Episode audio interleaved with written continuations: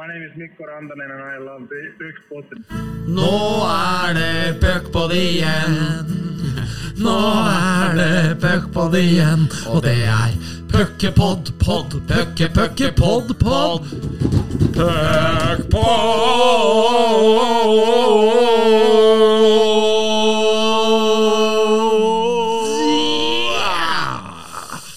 Det er endelig puckpod igjen. Jepp. Nå er det lenge siden. Det er eh, holdt på å si altfor lenge siden, eh, men eh, De glade gutter er tilbake. Jeg føler det er litt stort. Vi har liksom trademarka De glade gutter-navnet.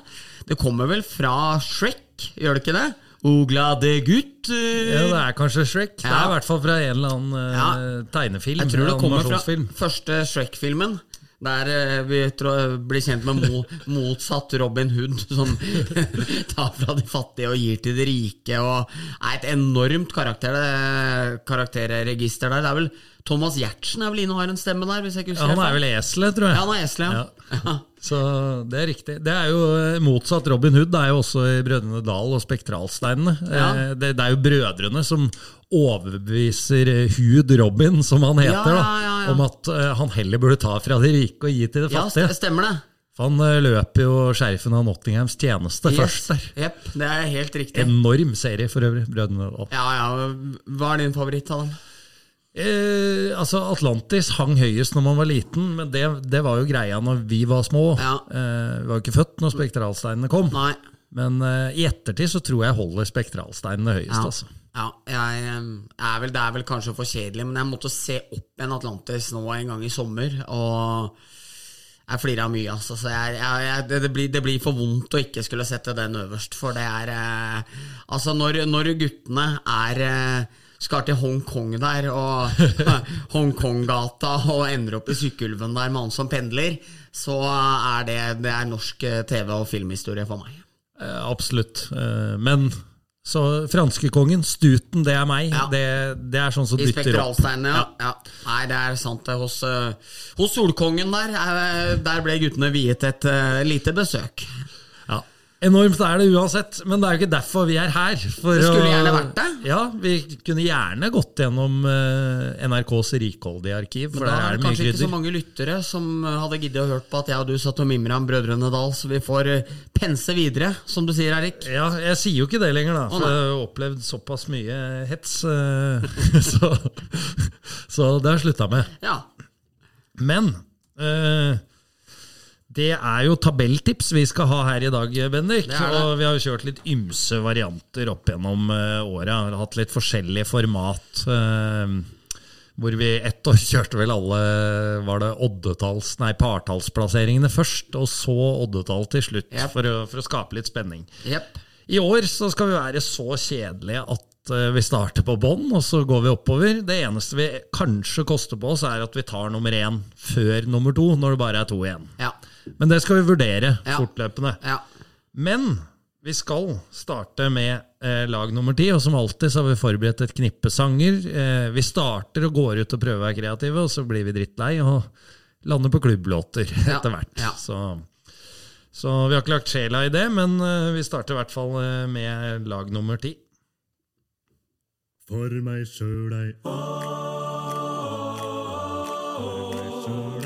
meg sjøl ei stund.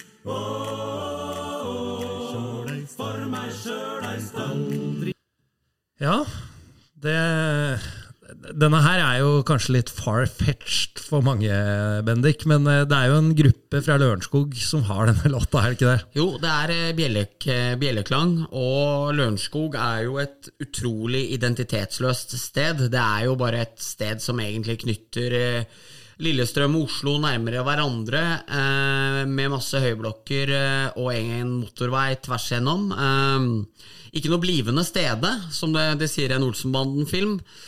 Og med tanke på at vi slet litt med å være kreative på Lørenskogs vegne, så ble det vår kjære Bjelleklang som har lagd en utvisningssang som jeg husker gikk i eh, Hamar Olamfi i hvert fall hele 90-tallet. Som er en av de mer legendariske når eh, folk må ut og sette seg i to. Så derfor ble det bjelleklangs eh, for meg sjøl ei stund der. der. Det er hockeyrelatert så det holder. Den er. Ærverdig utvisningssang Ja, er det. altså. Så det, har, det har både et eh, veldig spisst poeng, men også et godt metapoeng. Men eh, da får vi gå over til Lørenskog og hvorfor vi tror at de blir nummer ti. Eh, og det er vel ikke fordi vi har noe sånn voldsom tro på at de er utrolig mye dårligere enn Komet, for jeg tror at i år må vi være enige om at det er to lag som egentlig ikke har noen verdens ting å gjøre i den øverste divisjonen. Eh, Eh, har svenske målmann eh, Alexander Nilsson, som kom inn nå relativt eh, seint til Lørenskog. Eh, Det blei litt styr der. det blei litt styr der. Eh, det blei litt styr der. Eh, tredjekeeperen var ikke helt fornøyd med å bli tredjekeeper, men eh, han kommer da inn fra Kalmar i hockey-ettan, den godeste Nilsson. Også et skudd for baugen for eh, Anders Haugum, som var eh, tredjekeeper og periodevis andrekeeper, mens Markus Stensrud var borte under sluttspillet for Storhamar i fjor. Kom jo inn der og gjorde en jobb eh, for Storhamar, den godeste Haugum, som eh, var god i Furuset før han kom til Storhamar. Jeg tror nok eh, Haugum eh, ville fått mye å strekke seg etter på øverste nivå, så jeg kan jo for så vidt forstå at eh, Lørenskog går for et sikrere kort. Ifølge Eliteprospekt så står de inne med ni bekker, eh, der ingen er født tidligere enn 2001, og det er da Noah Aartun fra Stavanger, ja, Kristoffer Thomassen fra 2000.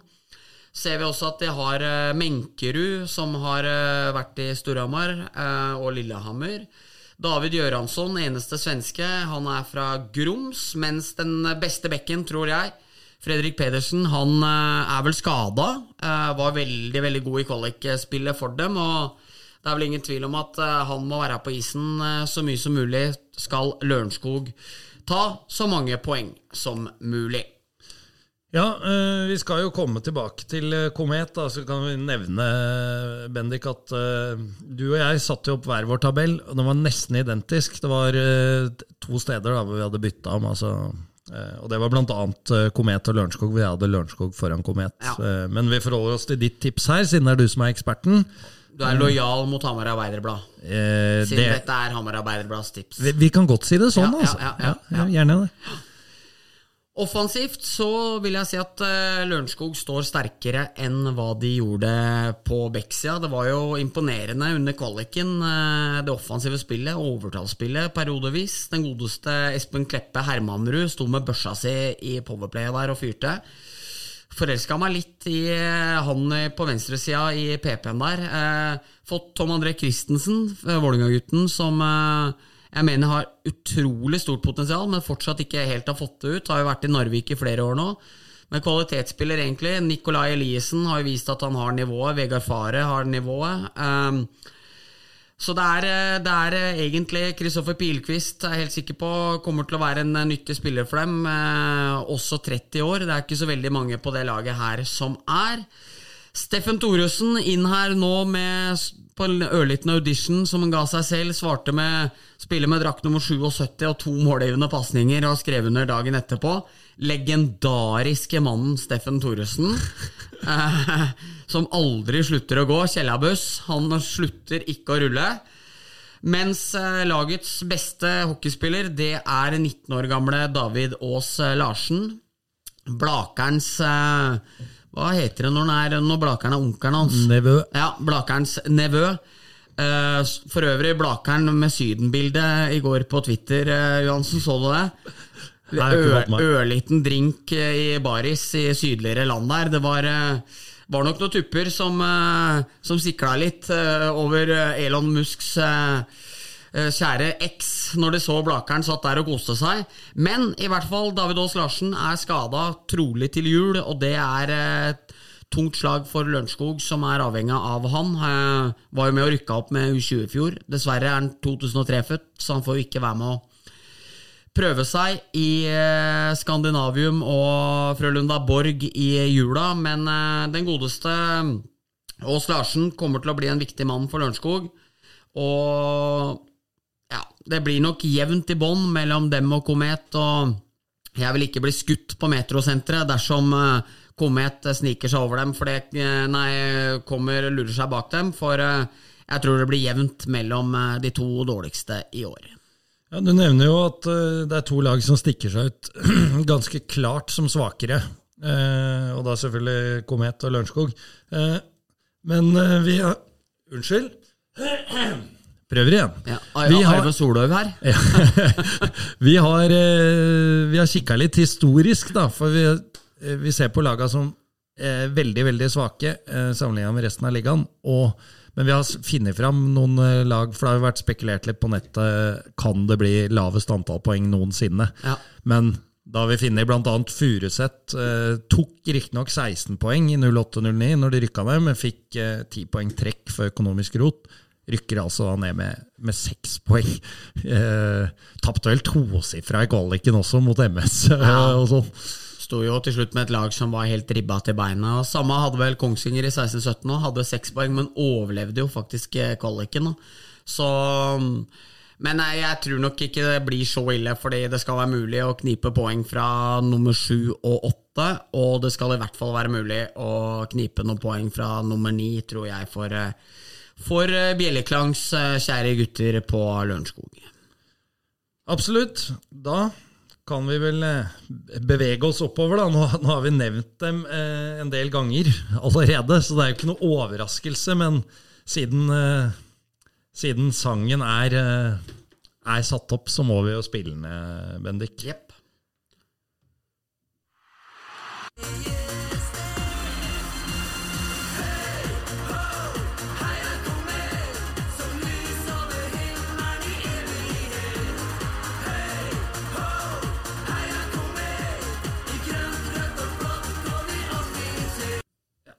tenker det Det holder der. Det holder fra, der. fra Ole Idole. Ja. Men uh, Komet altså tilbake i uh, eh, EHL, som, eh, som det nå heter. East Coast Hockey League. Nei. Nei. Nei. Nei, det var anna, det men det var en liga som het Eastern Hockey League, så jeg, som Ja. hadde samme forkortelse. Ja. East Coast er jo ECHL. Ja, stemmer det. Så, Det gikk i surr for meg her nå. ja. Men eh, EHL skal det i hvert fall hete. Når man ikke klarer å få noen sponsorer til å være interessert, hvorfor ikke bare dyrke sitt eget eget navn, som egentlig ikke har fått til noe som helst? Eh, eh, fantastisk. Ja. Men i hvert fall Komet er tilbake i øverste divisjon. Gikk konkurs i starten av 09-10-sesongen, eh, så det blei vel eh, ja, eh, Jeg har ikke dobbeltsjekka det, men jeg tror det blei fire eller fem kamper før de eh, da forsvant ut av serien, og så ble det en nilagsserie, noen varianter der. Jeg husker det. Eh, Det har vært noen tunge år. Eh, topplag i førstedivisjon. Eh, stabilt egentlig siden oppstarten, men aldri klart å ta det steget. Eh, Har vel egentlig aldri vært savna heller, skal vi være helt ærlige. Nei, det, det øverste- får du lov å mene. På det øverste nivået, jeg må jo ærlig innrømme det. Eh, Det rykker liksom ikke i, i kometdansefoten på noen som helst måte over å ha dem oppe, men eh, her er de, og da må de behandles med den eh, respekten de fortjener. Godeste Komet, som trenes av Leif Karlsson. En ringrev eh, der. Eh, Arvid Jung kommer vel til å være målmannen, den eh, 30 år gamle gøteborgeren. Eh, Samme fødeby og ca. samme alder som HamKams eminente målvakt Markus Sandberg. Så får vi se hva det har å si på poengfangsten. Defensivt så har det jo noen eh, kort vi kjenner til eh, fra før. Tobias Skårberg har vært med en årrekke. Den, eh, den lille, store kjempen som egentlig er fra Sparta, men har jo gjort eh, kometspiller av seg. David Nilsson ble henta dit til kvaliken i fjor. Eh, svensken spilte i Bergen. Eh, veldig god offensivt. Litt mindre dominerende i kvaliken eh, offensivt enn jeg trodde han skulle være, men eh, er jo åpenbart en veldig god spiller. Så har de eh, Hugo Enok, som er fra Medellin, står som fødeby. Eh, Det gamle narkotikakartellet til eh, vår kjente venn eh, Pablo Escobar. Er, det, ikke- Escobar, er, det ikke, er ikke det riktig? Riktig, han var fra Medine i Colombia. Men har også gått sin hockeyutdanning i Ferjestad. Enok er jo en bra bekk som kommer til å klokke masse istid for dem. Ola Strandum Hurtig har fortid i Storhamar. Niklas Jessesen har vært litt overalt. Eh, så jeg vil si bekkbesetninga dem ser i utgangspunktet for meg langt bedre ut enn hva, enn hva Lørenskog sin eh, gjør. Ja, eh, og så er det løpersida, da. Der eh, er det også flere å velge enn hva Lørenskog har. Elias Antonsen har spilt både i Storhamar og i Ringerike. Ble vel ikke helt som håpa videre i Ringerike der. Jo faktisk, var jo faktisk nesten på laget hver eneste kamp da Stramar ble nummer to på desimaler. i Anders Jøses første sesong som Storhamar-trener, da koronaen kom og stoppa ligaen. Eh, Pelle Hedlund, Aksel Lindstrøm og Viktor Stark er eh, de andre svenske tilskuddene. Som eh, kommer med ålreite tall og ålreite meritter. Herman Kopperud var eh, fantastisk for Komet i kvalikspillet. Utrolig imponerende hvor bra han var. Eh, Fredrikstad-gutt, egentlig, men har gått mye av utdanninga si i Sparta. Aldri fått helt muligheten i en stor rolle der. Nå får han antageligvis det i Komet, så blir det spennende å se hva han kan få til. Så kjenner vi igjen navn som Sander Rekstad her, Daniel Tranaski, eh, Håkon Waglund, så Nei, eh, det er ikke noe, det noe topp, eh, toppløperbesetning på absolutt ingen som helst måte.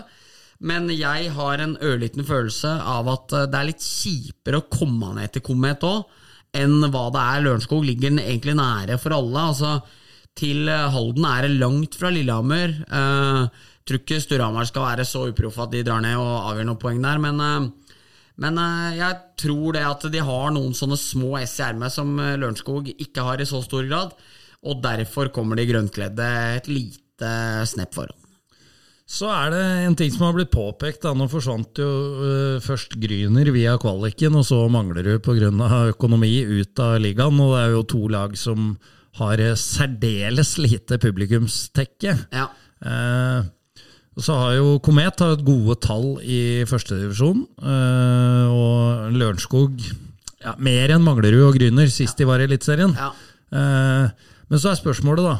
eh, Kommer det like mange Det kommer jo ikke 1000 antagelig i Halden hvis eh, Komet eh, blir det ja, Altså taper såpass mye matcher som det Nei. vi tror da, Nei, at de kommer til å gjøre. Nei. Så hvor mye flere tilskuere kommer det enn de 200-300 som pleide å være i blir Når det blir motgang? Det blir spennende å se, for det er jo lakmustesten, det. Hvor mange som gidder å komme for å se laget stort sett tape.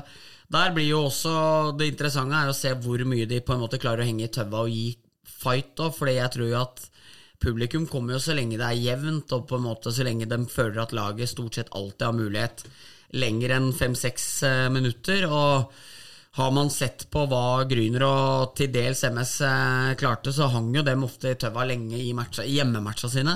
Så vi får jo håpe for deres del at eh, de klarer det. Og så er jo det, det er jo det Nidaros og Trondheim på en måte slår seg på brystet med, tilskuertall og hvor stor by det er og sånne ting. Men de røk tross alt da, mot uh, Komet i fjor. Uh, var ikke i nærheten. Var, uh, det var så jævlig dårlig back- og keeperspill. Uh, han Jordan George var grusom. Det var, var litt sånn flaut, hele opplegget. Her, her kommer vi-følelse, og så med brask og bram rett ut. Så vi får jo håpe at eh, for hockeyens geografi eh, at Rosenborg eh, tar seg ordentlig nedpå Nidaros, unnskyld. og tar et ordentlig tak og kommer opp istedenfor å prate om hva de kunne ha vært. Så hadde det vært fett å sett dem komme og faktisk bevise noe. Absolutt. Um, ja, nei, men det, det blir spennende å se, Bendik. Det gjør det. Skal vi hoppe til neste, da? Jepp. Og det er eh, åttendeplassen. Der har vi vært eh, Vi har vært meget fornøyde med låtvalget til dette laget de siste par åra, men eh, vi, er- vi er nødt til å fornye oss, vi også, Vi er det. Bendik. Vi er det. Riket trenger ikke penger. Der er du selvforsynt med alt du trenger.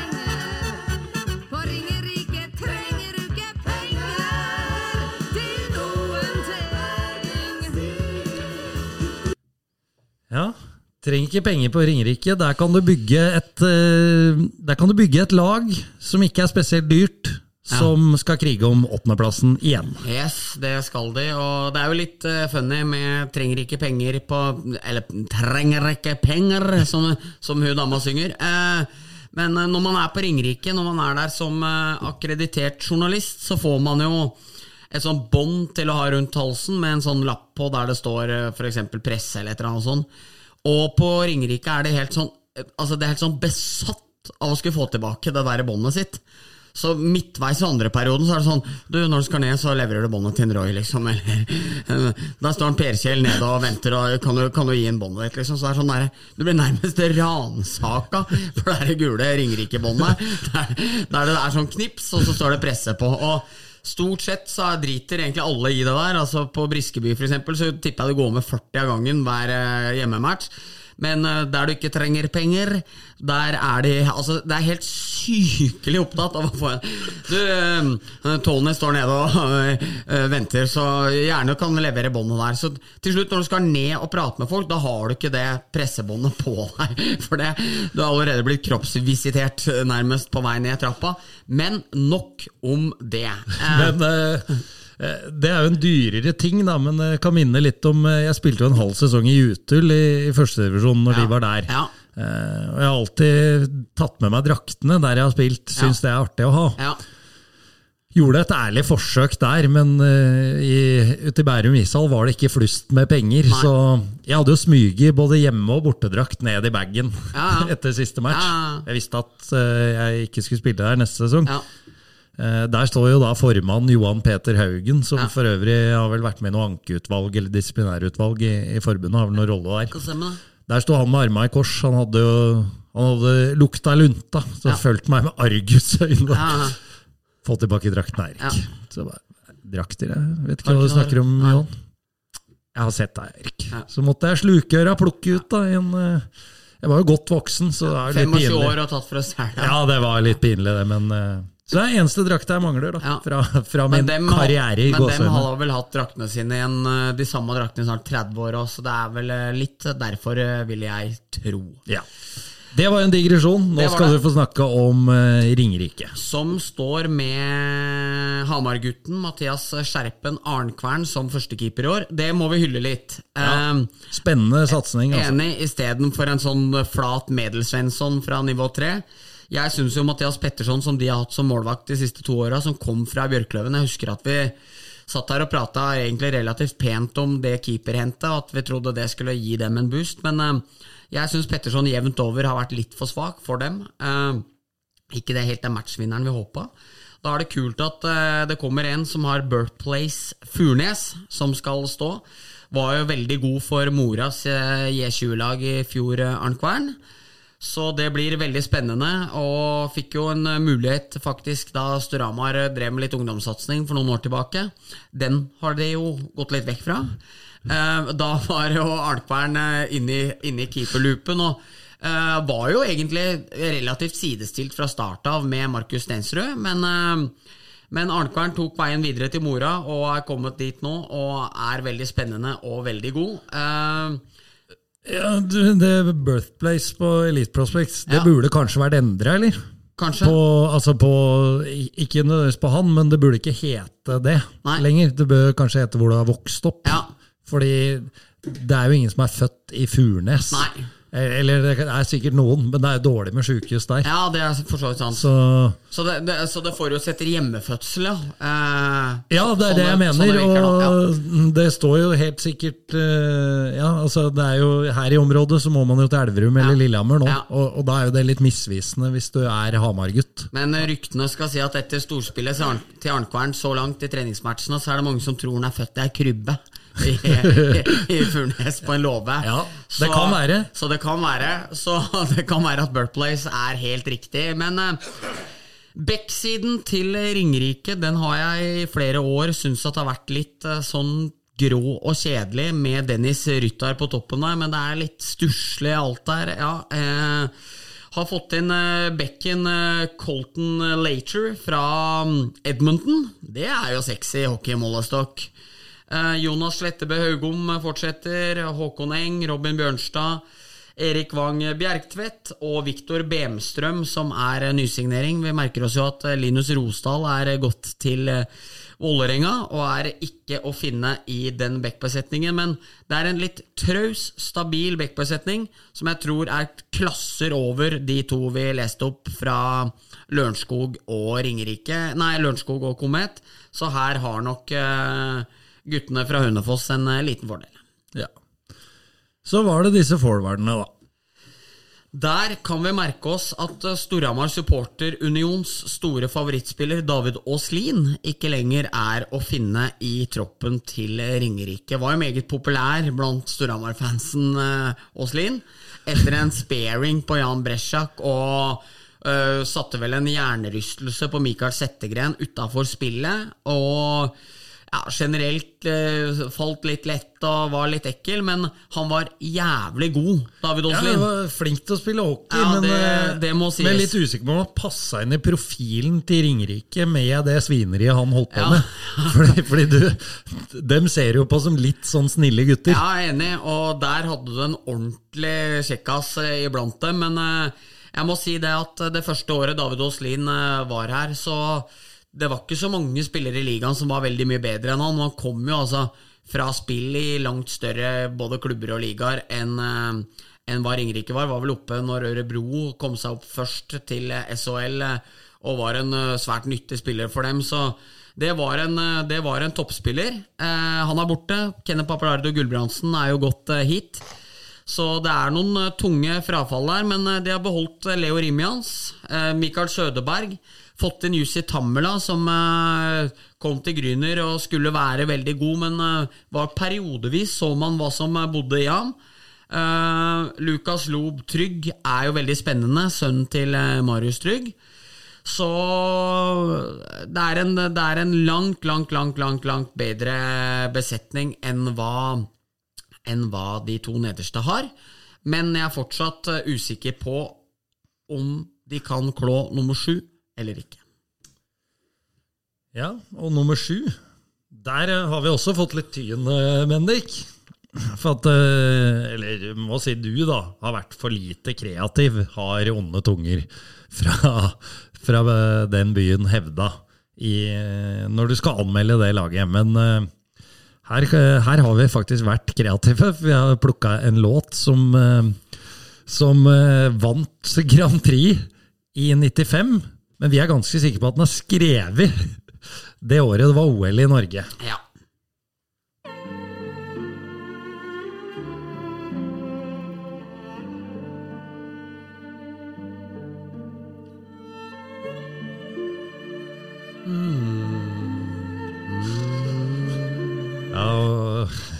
Bendik Havdal Eriksen, da må jeg spørre deg. eh, Hvor var det OL ble arrangert i 94? Det var på Lillehammer.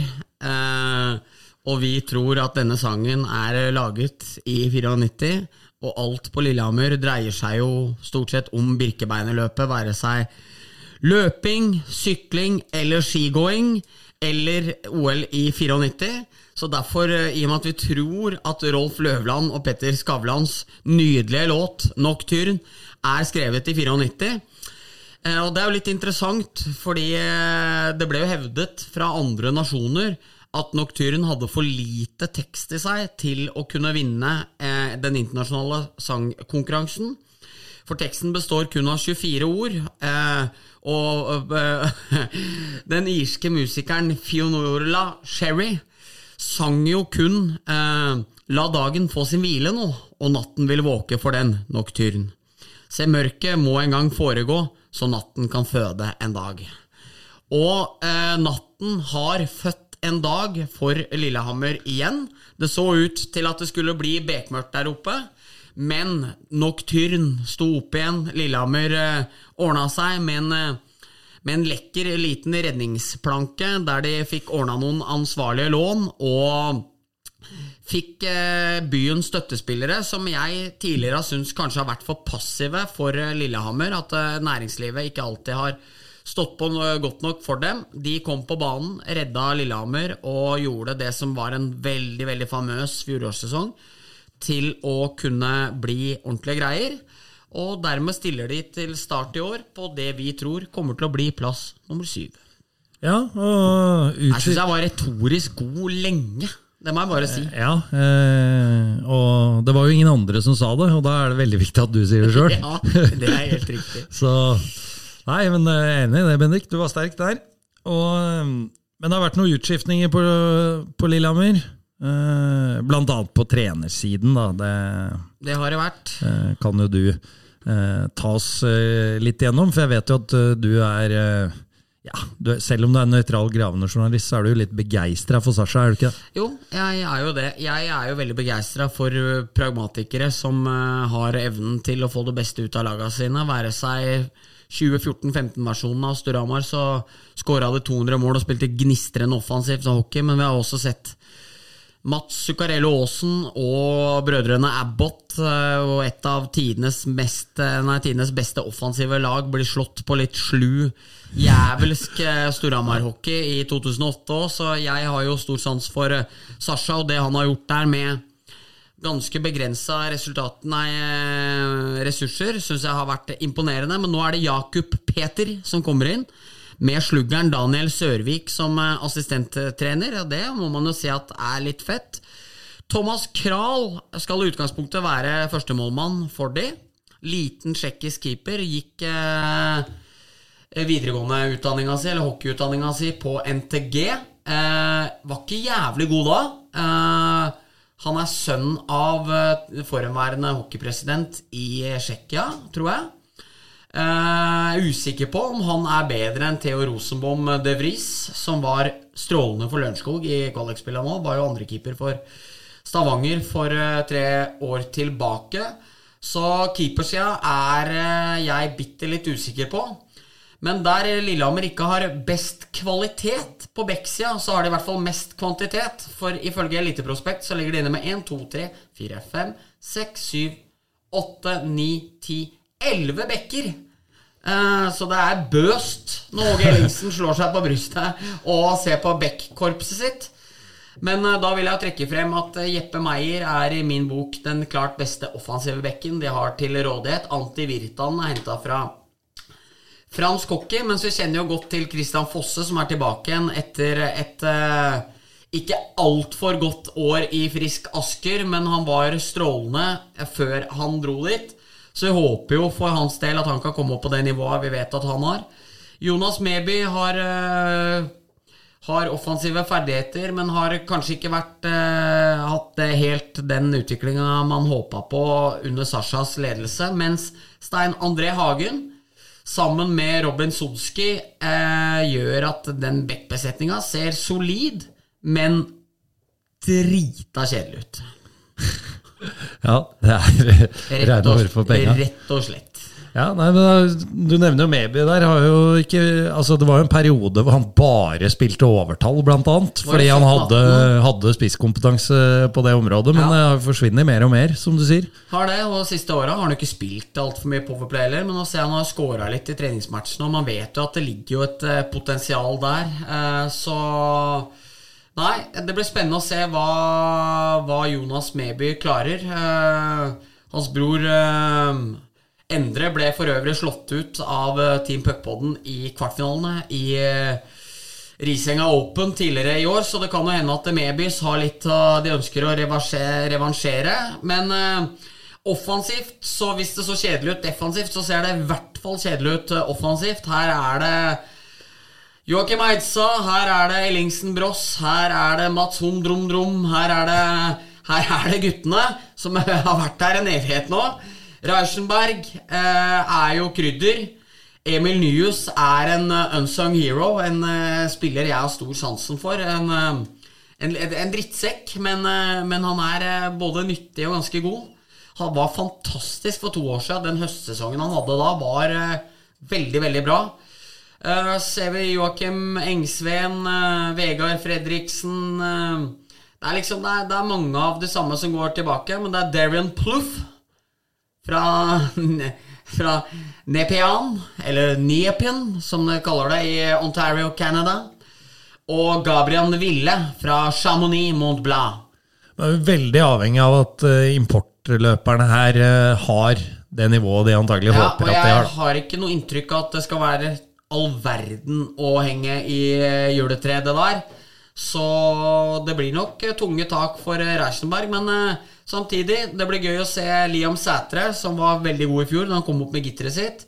Og unge Jakob eh, Leibenitz, som eh, også syns jeg hadde veldig positiv innvirkning på laget der. Så det er stusslig, det Lillehammer-laget her, men det virker solid, og jeg tror at soliditeten er det som eh, gjør at de kommer på plassen foran Ringerike. Og det får du lov å mene. Ja. Det er ikke noe i veien med det, Bendik. Nei. Det er hyggelig å høre. Da kan vi hoppe til eh, plass nummer seks. Ja. Og det skal vi gjøre nå. Nevene knytta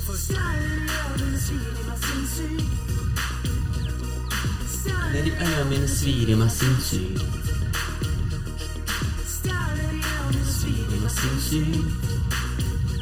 Ja, Stjernen på sjetteplass.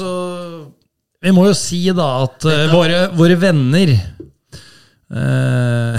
Dette var fra da Karpe var bra, ja, ja, det sa jeg òg.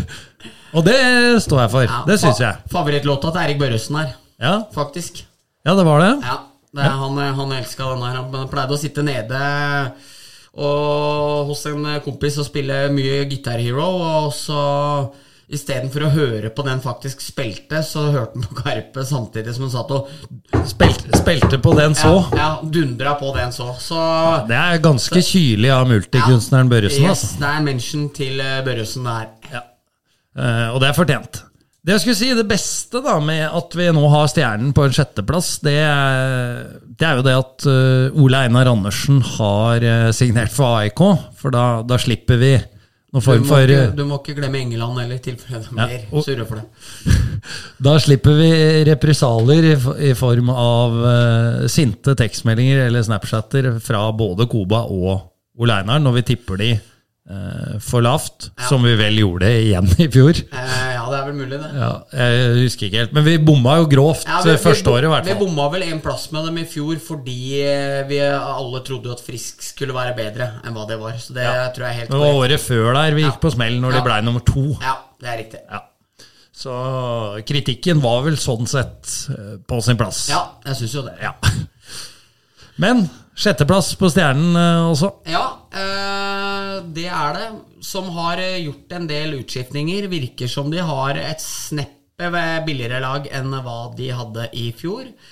Uh, Jesper Eliasson, som jeg ikke syns var den uh, toppmålvakten Stjernen var avhengig av å ha for å kunne være enda litt hvassere, er borte. Preben Arntzen får uh, førstespaden.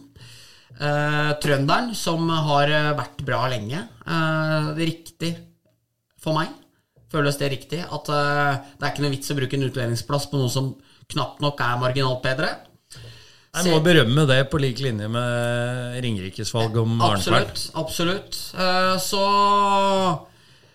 uh, I Fredrikstad så regnes Kevin Davies som uh, den beste bekken i ligaen og høyt opp. Jevnt over så regnes han som en middels pluss bekk i, eh, i eh, Eliteserien. Han uh, varsla tidlig at han eh, ikke ønska å være med Han varsla ikke tidlig, han varsla seint. Ja, varsla seint, Han varsla seint, eh, og det gjorde at de fikk Dominic Cormier inn for eh, han.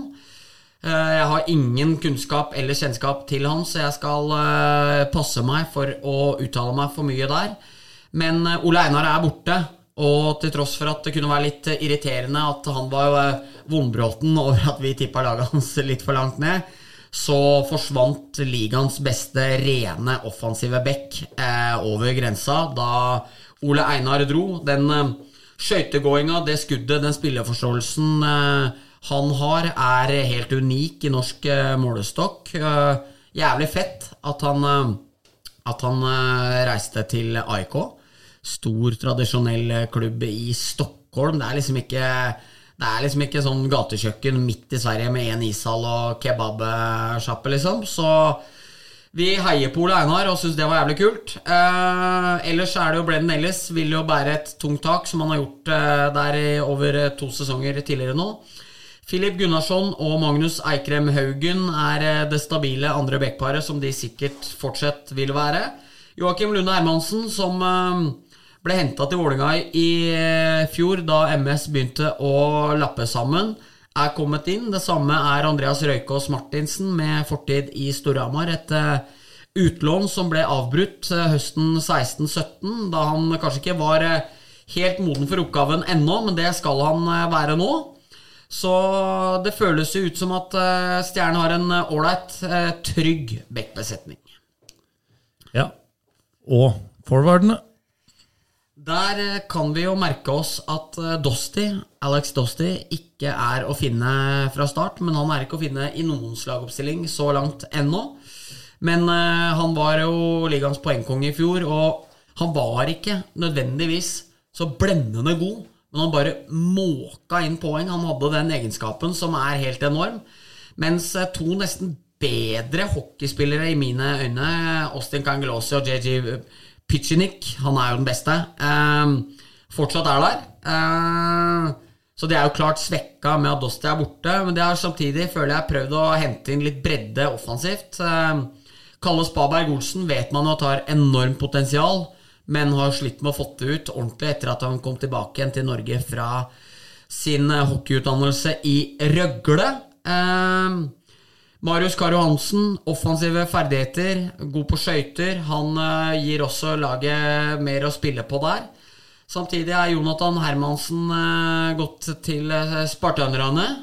Så jeg synes at mitt inntrykk er at Stjernen er relativt svekka fra i fjor. Og jeg tror derfor at vi får se de på en veldig, veldig trygg sjetteplass. Ja, fordi selv om de er svekka, så, så anser vi dem som markant bedre enn Lillehammer. Det gjør vi så absolutt. Uh, og at uh, det kanskje blir et, uh, et stykke opp til neste lag på tabellen, Jepp. som vi skal få nå.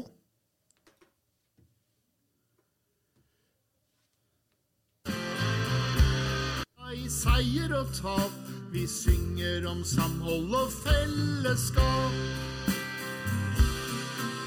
Syng hockey, syng frisk, syng Asker. Syng år etter år etter år. Sitt klar med champagneflasker til neste gang bøtta blir vår. Ja, Det blir ikke punch av den der. Så det er dårlig, ass. Det er, eh, det er elendig musikk. men, Det er så kjedelig sang. men uh, blir det Blir det champagneflasker på Lancelot, er det det det heter? Det I er Asker. Lancelot, der har guttene fartstid. Eh, Det er eh, et stort utested i Frisk Nei, i Askerland. La det være sagt.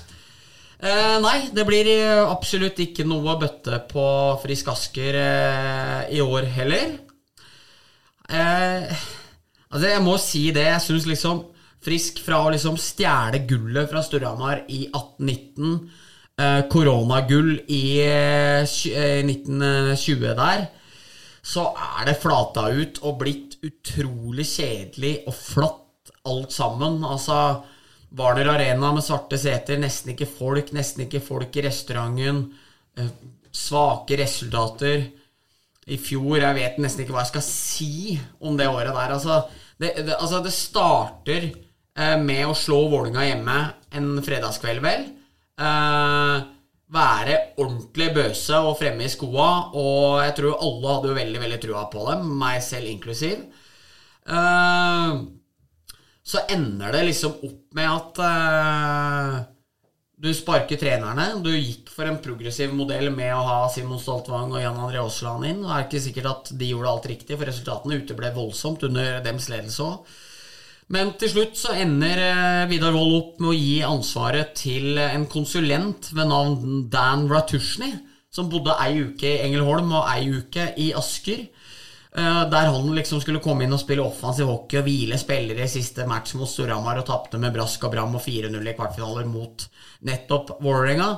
Så det blir vel ikke verre enn det Frisk klarte å sette i stand i fjor. Det tror jeg ikke, og det er på litt andre premisser enn å slå seg selv på brystet. prate om restaurant og øl og full eh, trøkk i Hvaler Arena, så ender det opp med det, det var treningskampfølelse hver eneste match det var kamp der. De tapte hver nærkamp. Uh, legenden Basse, som jeg alltid har elska, var liksom sånn helt mør og ferdig. Altså, alt var tomt. Det var ikke det var ikke ei dråpe diesel på tanken av noe som helst. Så vi får håpe at Frisk under Roy Johansen og Morten Ask klarer å steppe opp litt. grann. Ja, Det blir spennende å se. Det har vel det har antagelig ikke vært noe avslappende preseason i Warner Arena i år. Nei, og det har skjønt at uh, den nye målmannen Pontus uh, Eltonius, som uh, kommer med fartstid fra Modo-systemet, han hadde reagert litt på hvor lange øvelser det var, og hvor mye oppvarming det var før det faktisk var trening. Han, han hadde visst rekke og blitt varm både tre og fire ganger før, før det dro i gang. Så, men eh, Roy Johansen er jo en som Han vet jo hva som skal til for å få resultater, så jeg, jeg syns Frisk er jo veldig det, det fra, Ratu, fra en umotivert Dan Ratushny eh, i konsulentrolle til å få inn Roy, som er den topptreneren han er i norsk målestokk, det syns jeg er et kjempebytte for eh, Frisk. Eh, Peter Birkheim Andersen eh, venta lenge, men ble klar for eh, Asker. Det samme gjorde Emil Frøse, begge de to med fortid i Storhamar. Vi vet at Alexander Bonsaksen eh, er blitt 36 år og har slitt litt med skader. Har ikke spilt så mye i oppkjøringa heller, men at Bonsaksen, som er eh, topp fem norske backer gjennom tidene, eh, har mye kvalitet å komme med, er det ikke noe å lure på. Håkon Løken, Pedersen hadde tre-fire kanonsesonger i Sparta før det endte i en veldig svak sesong i fjor, der han også hadde prolaps i ryggen og var borte store deler av sesongen. Sondre Bolling Våler hadde også kanskje en uh, større nedturssesong enn man hadde håpa, mens Emil Vassenden var virkelig uh, det på Bekksida store lyspunktet for, uh, for Frisk i år. Gryner-gutten Emil Vassenden. Så hvis han kan fortsette å ta like store steg, så blir det kjempespennende å, følge hans utvikling. Men jeg tror nok at uh, Jeg er ikke så sikker på at den backbesetninga her er bedre enn stjernen sin. Uh, den føles litt skøytesvak. Den føles litt lite kreativ. Så jeg er litt usikker på det her. Også, et aspekt med det med svake bekker er jo at man slipper inn mye mål, bla, bla, bla, men det er liksom det er ikke Altså, defensivt så er det nødvendigvis ikke så svake, og det vil sikkert ligge dypt og bokse ut og liksom uh, spille veldig klassisk soneforsvar på den lille isen. Og på en måte Det er lett å forsvare seg, men hvis du ikke kan bruke bekka dine i angrep, så blir det lett for motstanderen å forsvare seg. Det betyr at du kan trekke løperne dypt. Du kan la tillate uh, Frisk å ha, når de har pucken i og position i offensiv sone, så er du ikke redd for at bekka står relativt frie, fordi du ønsker nærmest at uh, pucken skal komme opp til dem, der du da vil komme ut og Eh, prøve å komme i skuddlinjer og ta de mulighetene du får der, samtidig som det blir trangt for Frisk å måtte spille i offensiv sone. Så jeg tror at den backbesetninga kan bli veldig problematisk eh, for eh, Frisk, Erik.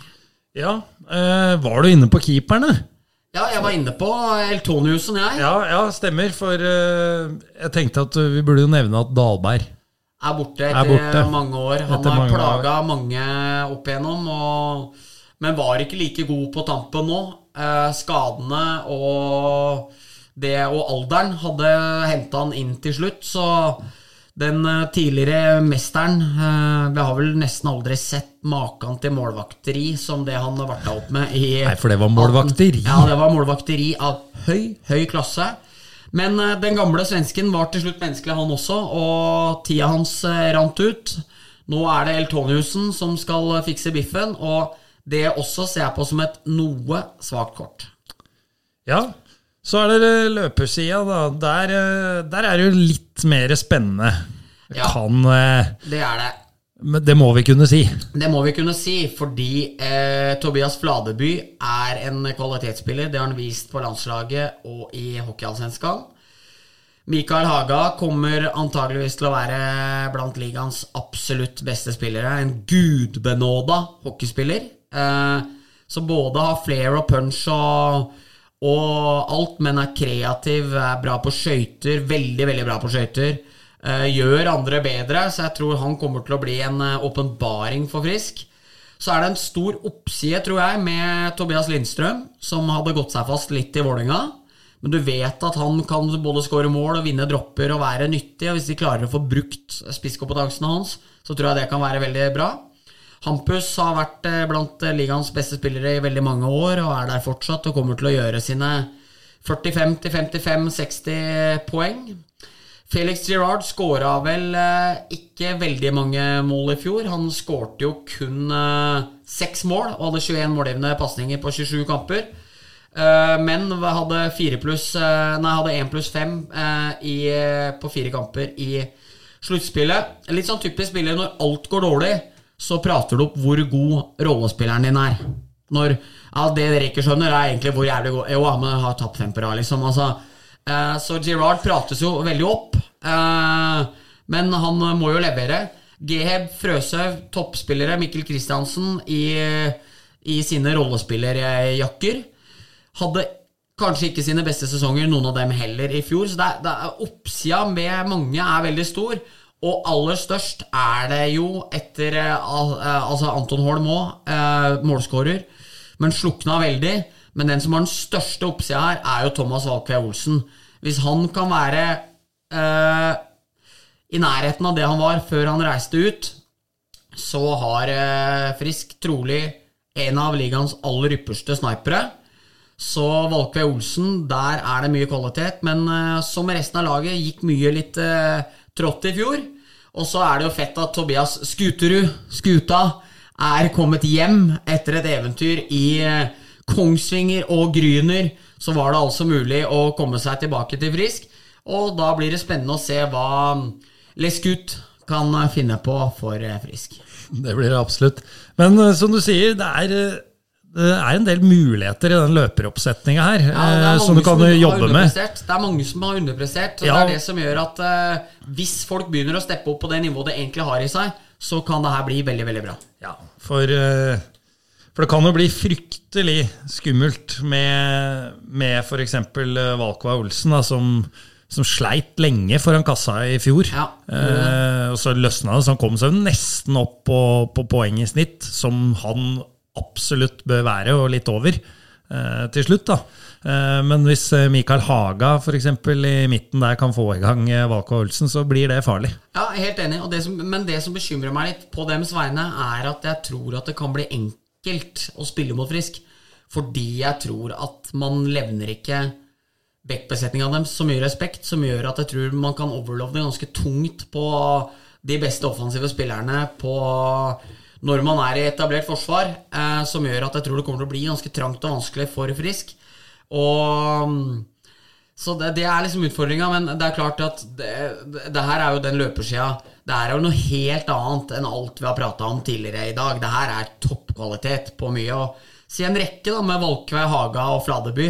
Det kan være blant ligaens absolutt beste offensive rekker, og da har du fortsatt igjen spillere som Gerard, Hampus, Anton Holm. altså det er mulig å sette opp ordentlige rekker på det du har der. Så jeg tror, og ikke minst Lindstrøm, eh, det er ganske sentertungt lag, da. Men eh, jeg tror eh, det her kan bli veldig bra. Det kan bli mye bedre enn dommedagsprofeteriet mitt nå, med bare en femteplass. Men det defensive er det som skurrer litt for meg. Ja, og det er en ærlig sak. Det offensive er jo grunnen til at jeg på min tabell hadde de på, på fjerdeplass, og bytta om med de neste herrene som du har på fjerdeplass. Ja. Vi, vi hopper dit, vi. Vi gjør det.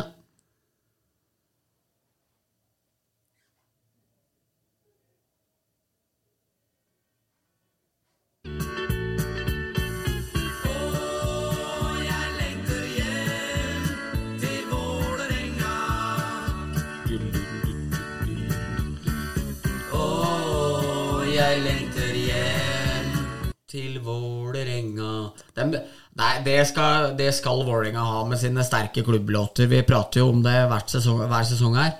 Men alltid når jeg sitter på Jordal på pressetribunen, sånn, så tar jeg, det, tar jeg, meg i det at jeg sitter og synger med på Vålerenga kjerke og denne og alt mulig. Og da skuer jeg over skuldra for å se om jeg får noen stygge blikk av Die Hard Storhamar-fans som eh, da sikkert vil legge meg høyt på hatlista med en gang. Men eh, klubblåtene til Vålerenga, helt fantastisk. Ja, du, du nevnte vel stygg musikk tidligere i sendinga er her. Og, og dette er pen musikk. Det er med, klubblåter, det kan de eh, i Vålerenga. Og det må man bare akseptere. Ja, Selv om eh, man ikke er begeistra for klubben ellers. Nei, ja. eh, da snakker jeg ikke for deg og meg, men da snakker vi for hva var det du sa? Die Hard Storhamar-fans. ja det er riktig. Ja. Du ville jo ha Vålerenga på femte. Jeg ville ha de på fjerde, og da siterer jeg Karpe når vi prater om uh, dette. At hun vil ha større, hun vil ha Gard, så hun vil ha Jonas. Jeg vil ha Støye, jeg vil ha Bab, men jeg vil ha Oda. Altså to forskjellige inn der. Ja. Var ikke det fint eh, språklig virkemiddel, Erik? ja, det er uh, Jeg blir Fra sangen nesten Gunerius, Ja. som også er nære Jordal. Så her har vi også noen uh, ja, jeg blir nesten rørt, jeg. Ja, tusen hjertelig takk. Jeg vil ha Støye, jeg vil ha Bab, men jeg vil ha Oda. Eh, det var nok om Gunerius og Karpe fra Heisan Montebello. LP-en som kom ut eh, i 2015. Nå skal vi til eh, Vålerenga, som ikke har vært i finale siden 2013. Nei, 14. Unnskyld. Så der hadde vi også et lite sidespor. Vi penser oss inn på målvaktsiden, der Mitch Gillam er borte for uh, Vålerenga. En toppmålvakt. Det må sies. Jeg syns eh, Mitch Gillam var utrolig god, og idet jeg sitter her og babler om det, så får jeg beskjed av Eliteprospekt, den tidligere så flotte sida, at nå har jeg vært for mye inne på Eliteprospekt i løpet av disse 40, 56 minuttene, så jeg får ikke lov til å sjekke fjorårets tall opp mot årets tall, men eh, jeg er velsigna med et meget skarpt hode, så jeg husker godt hvem som har gått inn og ut av Vålerenga. Men Mitch Gilliam er borte. Eh, var eh, faktisk, syns jeg, opp mot Trym Gran i semifinaliseriene. Jeg syns eh, keeperbiten var eh, der det var jevnest mellom laga, og det var fordi begge keeperne var jævlig bra. Backbesetningen til Vålinga er jo kanskje ligaens beste, hvis både Solberg og Kokk er så gode som vi håper og tror at de kan være. Daniel Roxette inn fra Stavanger er eh, en kvalitets-toveisbekk av rang. Husker da vi var eh, yngre, Erik, han er jo født i 1991, er fra Manglerud, så var jo han den dandy henda bekken, som dansa på blå og var breial og fremme i skoa og sånne ting. Så i takt med at han liksom eh, ble, lærte seg mer og mer måten Petter Thoresen ønska at Bekka skulle være, så har han utvikla seg til å bli en eh, knallgod defensiv bekk for Vålerenga, som jeg tror kommer til å bære et tungt lass. Er vant til å vinne mye, for det er det ikke så mange i den klubben som er lenger. Eh, Mark Hawk har enorme offensive kvaliteter. Var helt sinnssykt savna i semifinaliserien mot uh, Storhamar. Det var et tomt rom som skulle fylles. De fortsetter å gå for eh, Kalle Ekelund. Eh, solid. Eh, men har også fått litt alder, men det er Myhrvolds valg, det. Eh, hvordan man eh, skjøtter det. Mens eh, Tommy Timey og Tommy Tommy eh, er jo en perle av en bekk. Altså, han er så jævlig god når han er god. Uh, det syns jeg var virkelig semifinaliserer mot, uh, mot Storhamar. Syns han steppa opp og var tøff òg. den lille, store bekken med nummer 56 på ryggen. Så det er, det er ingen tvil om at bekkbesetninga til Vålerenga Det ser jeg på som blant de aller, aller, aller ypperste i denne ligaen. Mer usikker på keepersida. Breivoll uten stor konkurranse, hva det vil ha å si også. Det er jo litt guffent med en keeper som på en måte er blitt veid og funnet for lett året før. Eh, Så Storhamar gjorde jo det samme med Viktor Kochmann. Men det var ikke så lett å komme inn da. på en måte Det er fort å føle litt falsk trygghet. Da tvert du slipper inn en billig puck, så er det fort å begynne å se til hva tenker Myhrvold, hva tenker Andersson, hva, blir det samme Skien igjen? Så det kan spre seg en slags utrygghet. Men eh, i så måte blir det jo litt uhomogent å si at det defensive ser veldig bra ut når man er litt usikker på målvaktsida, men Beck-besetningen til Vålinga den ser eh, veldig skarp ut. Ja. Eh, Du nevnte jo Ekelund. Han, eh, han har jo vært i norsk hockey i mange år nå. Var jo Sparta først. Eh, eh, Kul stil på mannen og, og en god hockeyback, men det det ser jo ikke ut som han syns det er noe gøy å spille hockey. Nei, han Det blir litt på sida. Han har Men har litt sånn kroppsspråk, det er jeg helt enig i. det ser ut som alt er ork. Jeg vet at Andreas Øksnes er jævlig sterk på parodiaen, så jeg håper, håper vi får se det på HTV i løpet av vinteren. Det bør det være muligheter for. Uh, Forward-sida, da. Ja, eh, mista Andreas Martinsen til eh, Storhamar. Det blei langt fra Brøttumskogen og ned til eh, Oslo Est med påfølgende 37-buss eller T-bane opp mot eh, eh, Etterstad Vålerenga. Så Martinsen er borte. Rasmus Alholm er borte, ble ikke enig med klubben om de økonomiske betingelsene. Begynte å bli ganske bra etter hvert, Rasmus, etter en vi får vel si litt tung innledning, der han så litt tung ut. Men i takt med at han ble sharpere, sharpere så blei også spillet bedre. Tobias Lindstrøm er eh, borte etter eh, mange år, har båret tungt for uh, Vålerenga i mange år. Men de har fortsatt mye av den offensive, liksom breie stammen sin. Uh, fått inn Benjamin Byrkjeland, Henrik Eriksson og Det er ikke Bengts, det er Bengtsson uh, han heter, han siste løperen. Hør, jeg, jeg, kan, min, jeg kan mitt Vålerenga, Erik. Så, Ingen tvil om det. så Vålerenga kommer til å være bra også i år. Eh, så er det litt morsom ting, fordi jeg og Tor Nilsen vi får litt hangup i ting. Og Vålerenga snakker kun om energi. Myhrvold, Myhrvold Jeg prater om energi. Det handler om mest mulig energi. Og han Andersson og, ja, det, det handler jo bare om å få mest mulig energi ut av det. Ikke sant? Altså, det er bare energi. Men det hjelper jo ikke en dritt der hvis vi ikke har en plan eller en offensiv samhandling. Altså, I fjor prata de om energi, men bytta rundt på rekkene i vilden sky. Altså, Du gikk fra fjerde, første, andre, tredje, opp og ned. Sander Thoresen ut av powerplay, ned i fjerde, opp der. Pontus Finstad, opp dit, ned dit. Altså, eh, De må klare å sette et lag. Eh, Du, du kan få så mye energi du bare vil, og fly i skogen og skaffe deg energi, men det, det klarer liksom ikke å gi deg resultater, tror jeg. Så jeg tror mindre energiprat, mer eh, analyse og prøve å finne mer par, finne mer ting som fungerer, er det som eh, mangler litt for Vålerenga. Fordi kvaliteten er jo der.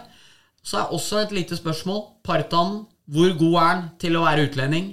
Mattis Olimb, en av norsk hockeys absolutt beste spillere gjennom tidene. Klokkeklart Norges beste VM-spiller gjennom tidene. Sammen med Jonas Holøs så blir det ikke klokkeklart, klokkeklart, men Norges beste løper gjennom tidene i VM. Eh, hvor god har han vært de siste åra? Hva kan de gjøre? Hva kan de pushe som gjør at han tar enda et steg? Hva kan gjøre at Thomas Olsen blir like god i Vålerenga? Nå skåra masse mål i fjor, jeg vet det, som han var i VM, der han kanskje var Norges, blant Norges tre beste spillere i hele mesterskapet. Han var helt psyko god. Hva kan Vålerenga gjøre for å løfte spillerne sine enda noen hakk? For kvaliteten er der. Jeg syns Vålerenga har utrolig bra lag, men jeg syns ikke at alle spillerne får ut nok av det. Og da er det et lederspørsmål, og der er jeg usikker på det Vålerenga både har vært og skal inn i, fordi jeg mener det skal være mulig å snart få det laget der til en finale nå. Ja. Det er jo ikke noe å legge til eh, der. Så kjenner jeg at jeg er litt glad i Vålerenga òg, i den grad at jeg på en måte elsker å hate dem som, eh, som barn av 90-tallet. Eh, så jeg er litt sånn skuffa over at de ikke klarer å være enda sneppet mer konkurransedyktige enn hva de har vært. Nå, de har prøvd veldig mange former, men de har liksom slitt med å finne den ene. For den dagen de klarer det, så tror jeg det blir vanskelig å dra, ned, dra de ned fra en relativt eh, sikker topp tre-plassering. Samtidig så er det jo sånn, eh, du nevner jo at eh, vi er barn av 90-tallet. Man merker jo på byen også, nå har man jo hatt noen sluttspillsoppgjør mot Vålerenga de siste par sesongene. Eh, Det er jo det mest tradisjonsrike oppgjøret i norsk hockey altså av de lagene som er i Eliteserien. Jeg vet Folk prater om Furuset, Vålerenga og sånn back in the days. Men det begynner å bli noe litt back in the days over oppgjøret nå også, gjør det ikke det? Jo. Altså, at man, eh, det er greit nok at du og jeg har tatt andre roller enn hva vi hadde når vi var eh, både 10 og, og 20, men, men jeg får ikke helt samme feelingen når eh, det er Storhamar-Vålerenga som man hadde på 90-tallet. Ikke? Det er mulig, fordi Ja, man ja, eh, ja, ikke er barn lenger. Nei, nei, det, nei det må jeg, der er jeg ikke enig, for jeg syns jo at det er jo det som på en måte har bre, brakt liksom det virkelig store tilbake, med Pyrogate og alt, alle påfunn Njål fant på i fjor. eh, Ja, jeg kan være, enig, jeg kan være enig i det, at i sluttspillet i fjor så Ja. kokte det jo litt der Ja, altså liksom året før òg, med når Boot og dem spilte i Vålinga liksom, Jeg syns at eh, etter korona og sånne ting, så syns jeg liksom Storhamar og Vålinga på en måte litt sammen har redda det. Jeg syns jo finaleserien ble jævlig døv i fjor pga. at fyrverkeriet var skutt opp eh, tidligere. Så nei, jeg, jeg syns at eh, Storhamar og Vålinga er jo liksom litt tilbake igjen der vi ønsker at det skal være. Det var jevne matcher hver kamp. Altså, tenk i fjor. Eh, den første kampen Andreas Martinsen spilte for Vålinga mot Storhamar. Når uh, Storhamar leder vel 1-0, Vålinga får 1-1. Uh, Vålinga får powerplay og har alt momentum, og så er det en som jeg tror kanskje er født og oppvokst på Løten, som kaster en liten Jegermeister-flaske utpå isen, som gjør at eh, isen må, må renskes. Eh, Vålerenga skårer ikke på play, og Storhamar stjeler inn en 2-1-goal. Og den seieren, hvor viktig den blei. Og, og da hadde de skutt opp konfetti, som gjorde at matchen måtte bli utsatt i ti minutter, for ismaskina måtte kjøre halve sonen. Jeg syns liksom at det er blitt noe litt vakkert og stort igjen over Storhamar-Vålerenga-matcha. Jeg må si det, altså. Uh, altså, Du har gode argumenter her. men For å presisere litt, da. Jeg tenker mer på Jeg, jeg syns det var heitere på isen. Ja. Altså Det rammene rundt, det er jo en ting, selvfølgelig. Så Stappfullt bortefelt i Amfin om må bygge ei gigantisk sklie for å hindre folk i å gå oppå betongen der. Og, det, er jo som, det er jo faktisk nesten som før eh, du og jeg eh, kunne sånn huske nå. Ja, liksom. når vakta i Stora Marisa ble kasta ut på isen av Ja, ja. Apeberget og sånn. Ja, Eh, så det kan jeg være enig i, men jeg får ikke helt den følelsen på isen. Nei, nei. Eh, Men, nei, men kanskje, Det var det jeg tenkte på. Ja, kanskje har det jo også litt med hvordan hockeyen har utvikla seg, og du kan ikke lenger knuse folk og slåss og holde på, for Nei. da får du ikke spille mer. Ikke og, og der er jo du og jeg klare. Men eh, ja, nå landa jeg egentlig på en grei formulering for meg. Altså Jeg føler at når du ser de gamle klippa Det var jo ikke folk på Urdal da, det som ligger på YouTube. Nei, nei. Men når du ser Petter Salsten og Ole Eskil og gutta som har kommet fra Furuset og spilte i Storhamar, Ja. de hata Vålerenga. Ja, ja, virkelig. Sånn, sånn er det ikke lenger. Ja. Og kanskje skal det ikke være sånn heller. Men det er, det er litt det jeg tenker på. da. Ja.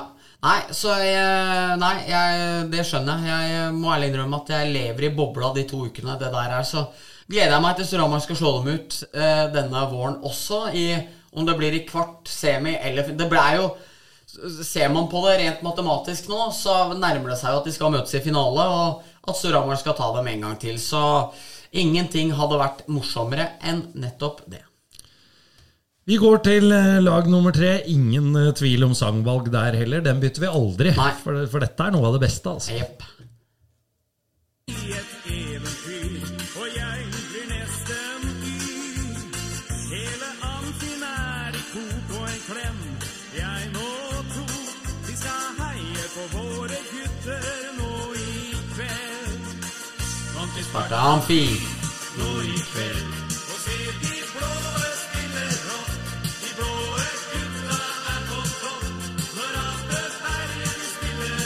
Den lar vi alltid gå litt, Bendik, for den er så fin. Ja, enig. Så. Men Sparta på tredjeplass. Sjuros gutter. De skal uh, atter en gang uh, skaffe medaljer. til uh, Iskatedralen på Brevik, som de liker å kalle det. Den kjære avisen sa.no, som er forkortelse for eh, Sarpsborg Arbeiderblad. ja, Jeg driver og søker dem opp i litt prospekt. Så jeg, jeg, Du driver og kjøper tid, du. jeg drev og kjøpte meg tid nå og blei avslørt, avslørt ordentlig. Men Det eh, er ingen som hører på denne podden som tror at du sitter her klar med ti ark printa ut. Eller ti faner med laga, alle laga. Nei, det er for så vidt sant. Så, Eh, så det går bra. Så nei, eh, de har jo byttet eh, målmenn. De har uh, erstattet uh, Carr og Nordmann med Balish. Benz Balish. uh, fra fra Ungarn. Ungarn som er meget kjent for gulasjsuppe. Min favorittsuppe. Hva, hva er din favorittsuppe? Eh, åh, det var eh, Det er godt med tomatsuppe, og når jeg har kidsa på onsdager, Ja. så er det det og pannekaker, og da er det jeg som er mest glad i det. Tomatsuppe er godt, og i kombinasjon med pannekaker så er det jo Med blåbær og bacon. nærmest uslåelig. Altså. altså. Men uh, Nei, jeg vet ikke. Blomkålsuppe er jo også veldig godt. da Krema blomkålsuppe. Jo da, det er Ja, godt. altså. nei. Jo, det er godt. Ja, ja, ja. F- Som Svea ville sagt, for meg er det ikke sånn. Nei. Men eh, nå spurte du meg, Ja. så da må jeg nesten få svare. Ja, ja, det Men vil- eh, jeg setter tomat øverst. Det Ja, gjør jeg. ja. Blomkål god nummer to. Ja, Nei, det blir uh, gulasj, eh, gulasj på meg. Eh, gamle klubbsjusuppa, visstnok. App, app, app, app. Meksikansk tomatsuppe Ja, den fra er god. Toro. Ja, den er jævlig god. faktisk Ja. helt rå. Ja, enig. Klar Ja, faktisk, eh, den er kjempegod. Eh, Det er ofte litt vrient å lage de der suppene, men eh, Du, du som er en Toro-posemann på lik linje med meg, Ja. det er ikke vrient å lage disse Nei, men det er, jeg syns det er litt tidskrevende ofte. Så Ja, da, da tror jeg du må tilbake til tegne, tegnebrettet ja. på Toro-fabrikken, for da Jeg tror hele poenget er at det ikke skal være tidskrevende. Nei. Og det er det heller ikke. Neida. Men eh, for eksempel når jeg henter to barn i barnehagen, så er bare de fem-seks minutta det tar, kan ofte være helt avgjørende for hvordan ettermiddagen blir. Så da liker jeg eh, ofte å eh, ha med eh, mat som kommer fra et annet kjøkken enn mitt. Men nok om det. Ja. Bens Balish, Balish og Mathias Schipperslanda. Det det er litt av en uttale på disse målmennene til spartanerne i år. Men de skal erstatte Nordmann og Carr. Eh, Nordmann var veldig god i fjor. Carr syns jeg var en gedigen skuffelse. Kevin Carr. Eh, Forsto ikke helt hvorfor han sto semifinalene etter at nordmann har vært strålende i kvartfinalene heller, men det snakka vel vi om i den forrige podkasten vi hadde. Så er du sugen på litt keeperanalyser fra spartanerne, så gå fint tilbake til forrige podkast. Ja, Da begynner vi å snakke nisje. Eh, Da snakker vi nisje. Eh, Men backbesetninga til Sparta den er intet annet enn bøs. Eh, Team Daly og Markus Faggerud er to av ligaens beste offensive backer. Kommer til å pøse inn mål, både Daly og Faggerud. Daly skulle jo egentlig til Storhamar da Storhamar fikk Curran i 17-18. Med fasit i hånd så var ikke det noe var ikke det noe dårlig valg, i hvert fall rent eh, hockeymessig. Mikael Teppo var eh, sinnssykt god i fjor, men han var veldig skadeplaga, dessverre. Mens Isak Hansen skåra altså på straffe mot Canada og sto og solgte vårruller på kiosk Monsen hos Njo Monsen i sommer. Han er en kvalitetsspekk. Når du da tar med at eh, Ponomarenko hadde en utrolig fin utvikling for det i fjor, mens Jonas Myhre fra Lørenskog er veldig god. Da har det ikke så mye å si at Jesper eh, Martinsen Lilleberg og Jonas Meisingseth er lagets 7. og 8. bekk, fordi topp 6-bekk-messig så er eh, Sparta helt der oppe og nikker med Vålerenga Oilers om å ha den beste bekkbesetninga. Ja. eh, møtte for øvrig Jo Monsen. Ja. Eh, jo Hjemli, altså den gamle Kamma Ja. junioren. Og, Ja. Det var før Karpe-konserten. ja, ja. Så, ja, var Fikk, du fortalt han, fikk du fortalt han at vi hadde prata om den i podkasten? Nei, jeg tror ikke han kjenner igjen eh, meg, eller vet hvem jeg er. Og jeg tror heller ikke han hører på Puckpodden. Men eh, observerte han. Det var jo sånn stort, for det var jo rett etter Ja. eh, han har vært nevnt. Ja. Men da tenkte jeg kanskje noen bekjente har nevnt Fordi, fordi Jo Monsen fra kiosken Han hilste altså han hilste alltid blidt, men han hang nærmest ut av vinduet på Kiosk Monsen-bilen sin og, og hilste. Og jeg veit jo at uh, gutta som er uh, Storhamar 2-lagleder-gutta, disse er fra gammelt av, de sitter jo mye nede på kaffen hans. Så jeg tenkte kanskje at han var blitt fortalt Hei! Han ut av vinduet og hilste. Så, så, så det kan tenkes at eh, gutta har fått med seg Jo Monseneriet. Men eh, nok om det. Ja, Jeg tror vi legger den død nå. Ja, nå skal uh, folkeminnegranskerne eh, dempe det de holder på med av slektsforskning, og heller gå videre på løperbesetningen. Der har eh, Sparta fått eh, inn eh, Leo Johansen Halmrast, Stig Myggen Johansens sønn, og Jonathan Hermansson.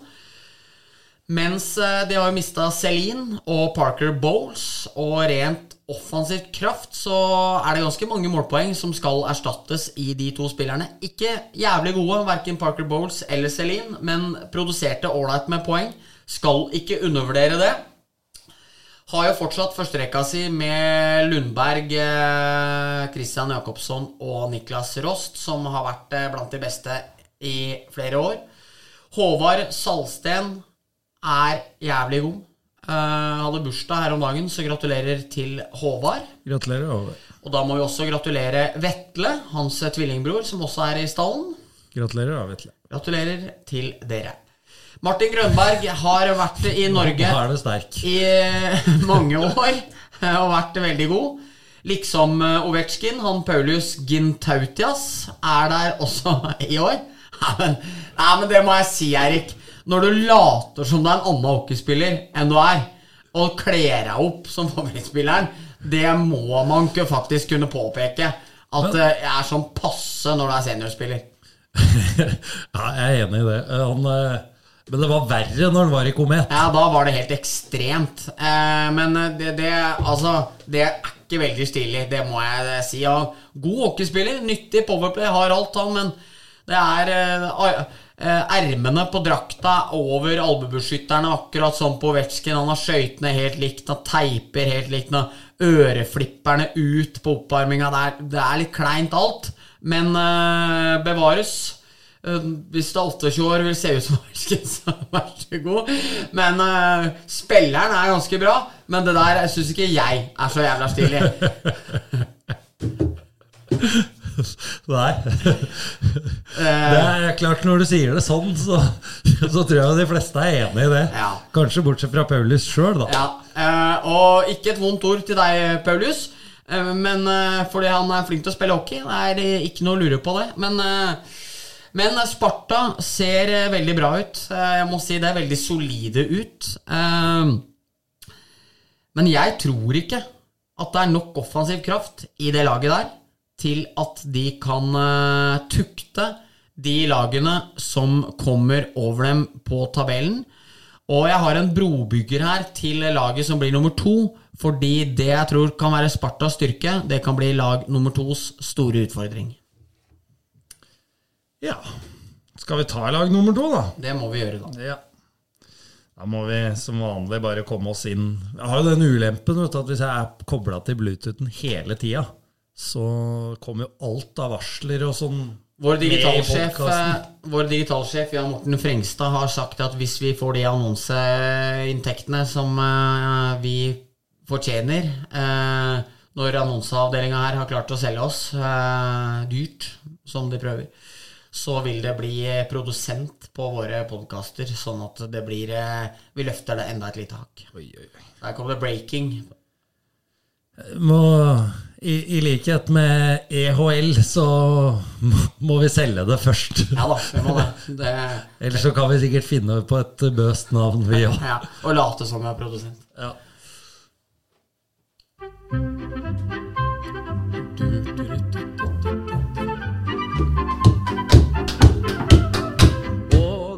Satt i kveldinga og koste seg med skjellinga. Kroner én, kroner to, kroner tre, kroner fire, kroner fem, kroner seks, kroner sju, kroner åtte, kroner ni. Og det er rimelig, han kunne ha det trivelig når han telte på nytt og på nytt og på nytt en sekk med penger i. Ja, de penga, ja, de penga er til bekymring for fattig og for rik. Ja, nå vil jo mange kanskje tenke at nå har gutta tippa Oilers på andreplass. For eh, her synges det jo om en som har penger og teller dem. Yep. Men det er et lag av ironi over studio. For vi har tippa et lag på andreplass som overhodet ikke har penger. Tvert imot så skylder de ganske mye penger. Som har hatt litt eh, utfordringer med likviditeten, det er eh, da lag nummer to, Storhamar Dragons. The, the local lads. Jepp, som etter en makssesong der man fikk Vålerenga i semifinalene og Stavanger i finalene Og, og vel seks hjemmekamper av seks mulige, de Seks hjemmekamper av uh, seks mulige. Nå skal man reise som konger, det, det var for så vidt greit. Men at eh, underskuddet da skal ende på fem millioner, kan man jo da bare undre seg hvor stygt det hadde blitt om Storhamar hadde ryket på fire matcher mot Vålerenga, og da dermed bare rukket å spille to hjemmekamper, der eh, inntektssida da ville blitt langt, langt mindre. Så ja, det penga, ja, det penga. Det, Det er til bekymring. Det er til bekymring for fattig og for rik. Det er eh, korrekt, Erik. Ja, ja, jeg trodde du skulle si mer. Ja, det er du som er Ja, ja, sorry. Jeg hadde lent meg tilbake der. Du satt og gliste. gjorde? Ja, nei, det har vært noen tøffe tak på, på Hamar vest, som vår, vår det. eh, hvor, eh, hvor Storhamar eh, Holder at bonus òg kunne spillerne se langt etter, og så ligger vel den saken hos Niso nå, så vi får vel passe oss for å ikke forskuttere altfor mye i den. Ja. Men før eh, alt dette kom fram, så, så var det jo en eh, Før vi slipper Vidar Sandbekk, en pengegalopp. For det har jo blitt henta et lag Det i er, år òg. det er jo det. Og Storhamar eh, Det var noen som Det var faktisk en av spillerne som sa det til meg, at det er jo litt pinlig at vi alltid er interessert i alle spillere. Eh, eh, skal Haga hjem? Selvfølgelig på banen. Skal Håvard Salsten et sted? Er Storhamar på banen? Altså, og det skal det jo være hvis de har råd til det. Altså, så er det jo ingen tvil om at Storhamar alltid skal være interessert i det beste som, eh, som eh, er på markedet. Men hvis man hvis man eh, er i baren og skal kjøpe shots til noen flotte fruer, og så har han ikke dekning, så ser det sånn passe ut når man sluker ut. Må, må snu seg med, med beger til seg selv og ikke noe mer. Så, så det er jo noe med det. Men, men Storhamar har eh, et utrolig bra lag. Eh, jeg mener at kvaliteten på løperne og keepersida, eh, selv om løpersida kanskje er litt tynn, er høyest i Norge. Det er den beste løperbesetninga i ligaen. Eh, det er det beste keeperparet. Trym Gran er etter Henrik Holm ligaens beste keeper. Markus Stensrud er antageligvis topp fem keeper i Norge, men er likevel i utgangspunktet andrekeeper for Storhamar. Så der har eh, Storhamar en helt vill eh, keeperduo. Defensivt er det jo klart svakere enn de var i fjor, i form av at Jakob Kindl ikke kommer før 16.12., som også spiller oss litt inn på pengegaloppen, for eh, han har ikke lov å være i Norge mer enn fra 16.12. til 28.4, altså dagen etter sjuende, eventuell sjuende finale. Så for å få Kindle inn, så kan ikke han komme før seint, og det forkludrer jo hele backbygninga til Storhamar litt. Og i utgangspunktet skulle de også starte sesongen med en, eh, en større toppback, altså en back med større offensiv kraft enn hva de har nå. Men uh, bare ta det med, med Kindle der. Uh, nå kommer han jo, den jo litt seinere enn klubben hadde tenkt. Men, men likevel så er det jo et eh, Hvis du snur litt på det, så er det jo et sikkert hent som da kommer rundt juletider, der man kanskje hadde panikkhenta noen, hvis man nå ikke hadde hatt Kindle i det hele tatt. Da, Det- så veit du hva du får. Ja, det kan man godt si. Samtidig så har man ikke høyrefatta bekker. Eh, man har jo nesten ikke offensive, altså rene offensive bekker heller. Så, men det her på en måte virker jo som at når de bygde laget og signerte han tidligere, så virka det som det var en plan at det skulle komme en tydelig nummer én-back som eh, var i, i tegninga. Jeg tror jo Tim Daly var jo stå høyt på radaren for eh, Storhamar før de fant ut at eh, det var ikke så mye skilling på bok som man kanskje egentlig hadde håpa. Så det, det føler jeg gjør at hele backbesetninga til Storhamar Det er noe litt forkludra over det. Det, noe, det, det føles ikke helt riktig. Sammensetninga føles ikke helt riktig. Men Sverre Rønningen og Andreas Hjelm er et av ligaens beste backpar. De kommer til å spille 6-7-28 minutter i alle toppkamper, tror jeg. Eh, Rønningen var helt psyko god i se semifinaliserien mot Vålinga og enda bedre i finalene mot eh, Oilers. Var Stravars beste back, sammen med Kindle. Eh, Sander Hurrød syns jeg har vært veldig god. Veldig positiv. Eh, god på skøyter, god med pucken, flink til å sette i gang spillet. Ser jo at han har eh, mye kvaliteter. Stefan Espeland er jo utfordrerposisjon i den grad at han vil jo revansjere en veldig svak sesong i fjor. Nå har han vært frisk i hele år, og forutenom når han skulle, skulle tyne kroppen litt ekstra for å imponere på 3000 meter, så har det meste for Espeland gått eh, ganske smertefritt i år. Eh, For øvrig en enorm Jeg vil nesten si det er litt trolling, hvis det var du som skrev saken. Å, jeg, Å henge ut mannen på den måten. jeg hang ikke ut i det hele tatt. Nei, nei, nei, men 34 år og ut og skal imponere på 30 Ja, Jeg veit han sa det sjøl. Ja, sa det selv. Det er liksom min paradegren. Det er jo fantastisk, for jeg, tror ikke Petter bryr seg all verden om han løper på 11, 12 eller 13 Jeg tror på 3000 meter. tror ikke heller, så jeg ble liksom så glad når Stefan sa det intervjuet. Det, det er min paradegren. Var liksom bare helt ærlig på det at det der syns han var fett, liksom, og skulle imponere litt. Og jeg kan jo skjønne det, Fordi jeg begynner å bli i ganske god form sjøl nå. Så jeg sk- skulle gjerne tatt en 3000 meter foran folk, jeg òg, liksom, for å fått det bevist. Det er helt sikkert mulig å få til det siden neste år, da. Ja da. Når Storhamar tester, at Ja. du slenger deg med. En slags eh, HA-TV-reportasje. jeg tar en 3000 der, ja. Det, Ja, sammen med gutta. ja. Det hadde vært litt kjedelig for dem hvis jeg vinner. Ja, Men det er kanskje ikke noe stor fare for nettopp Nei, det. det må du svare på. Ja, Mens eh, William Strøm og Adrian Sakserud eh, gir Størhamar en eh, fin eh, miks av eh, av høyde, eh, bredde, lengde og litt jævelskap. Eh, så har vi jo Even Kristiansen og Mathias Papuga, herr Papug, som eh, sjuende og åttende bekk inntil Kindle kommer. Og det tror jeg kan eh, bli ålreit. Men, er- men jeg syns ikke Det er ikke til stikk under stol, som uttrykket egentlig er, at, eh, at Storhamars backbesetning er svakere enn eh, spartanerne og Vålerenga. Og Oilers sin ser man på rent topp seks. Så jeg liker at du alltid pauser, sånn at jeg får komme inn og si 'så var det forwarden', da. Ja, Ellers så blir det så enormt Ja med prating. Ja, jeg er enig i det. Så det er liksom Men det er, det er veldig flott. da Det er. Radiofaglig sterkt og alt. enig, så har jeg liksom lurt på nå, og hva, hva og, og, Vil du liksom forandre litt, eller liksom ta tak i noe, eller liksom spille meg opp på noe? Men du kjører litt den Så var det forwarda', ja. Eh, ja, men eh, du sier jo mye kloke ord, da. Ja, så kommer jo jeg med noen innspill her og der Men jeg syns det passer.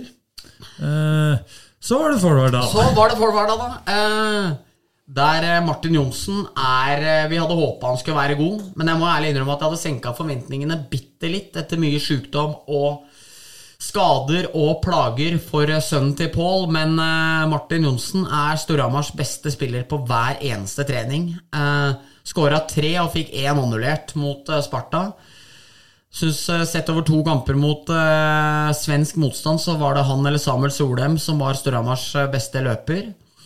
Og i går med Vålerenga så er han jo en klasse for seg selv tidvis. Han herjer eh, mot dem. Han eh, er den førstesenteren Storhamar eh, trenger. Patrick Thoresen og Andreas Martinsen kommer til å flankere han på en fantastisk måte.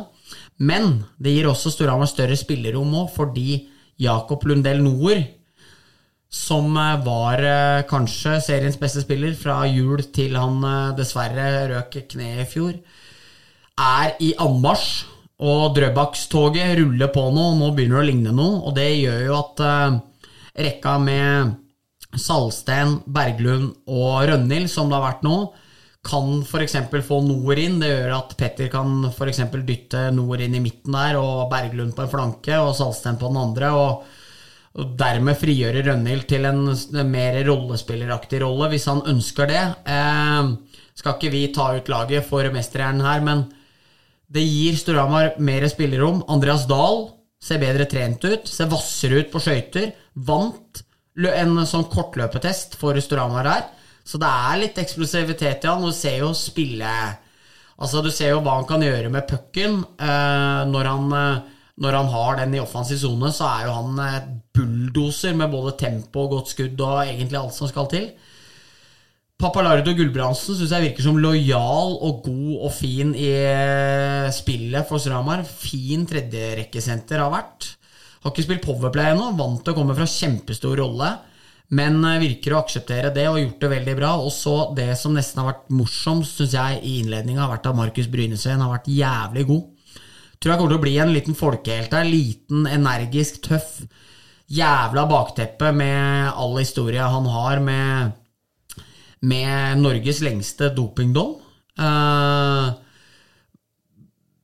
skaden han påførte Jakob Nord i fjor, der han var brutalt ærlig om at han faktisk eh, fikk tårer i øya og gråt da han møtte Nord og skjønte hva skaden hadde påført han. Som heldigvis eh, gjorde at eh, dumme, uintelligente mennesker eh, klarte å forstå at han også er et menneske, i, i alt oppgulpet som ble retta mot han på diverse hjernedøde Facebook-sider. Så Brynesveen har vært jævlig god. Han tror jeg kommer til å bli veldig, veldig nyttig. Solheim, en av ligaens mest undervurderte hockeyspillere. Altså Mange ser han bare for taklinger og energi, men Samuel Solheim er ordentlig, ordentlig god. Det syns jeg han klarer å vise nå. Du har Quenville i bakhånd. Det kommer opp spillere som Mjøru og Ole Indegård. Og skal man eh, være helt ærlig, så vil jeg tro at eh, jeg tror ikke den siste spilleren er henta inn for Dragons for 22-24-sesongen heller. Det fins muligheter her. Så på sikt Så jeg tror Storhamar kommer til å bli å hamle med ordentlig i toppen. Men jeg tror nok det er bredden, på, eh, bredden, eh, bredden som gjør at uh, vi setter ett lag foran dem. Ja. Og det, da er det jo sånn, da, Bendik, at de som har vært De som er veldig våkne nå, og som har fulgt med på det du har snakka om, gjennomgått lag for lag for lag, de vet nå at det bare er ett lag igjen. Det gjør de. Siden vi nå valgte å gå for andreplassen før førsteplassen. Og da kan man jo, hvis man ikke har vært så våken, da, så må man prøve å gjette. Og da kan du gjette ut ifra denne låta her. Nei, ikke den. Da funker ikke Bendik. Ikke? Nei.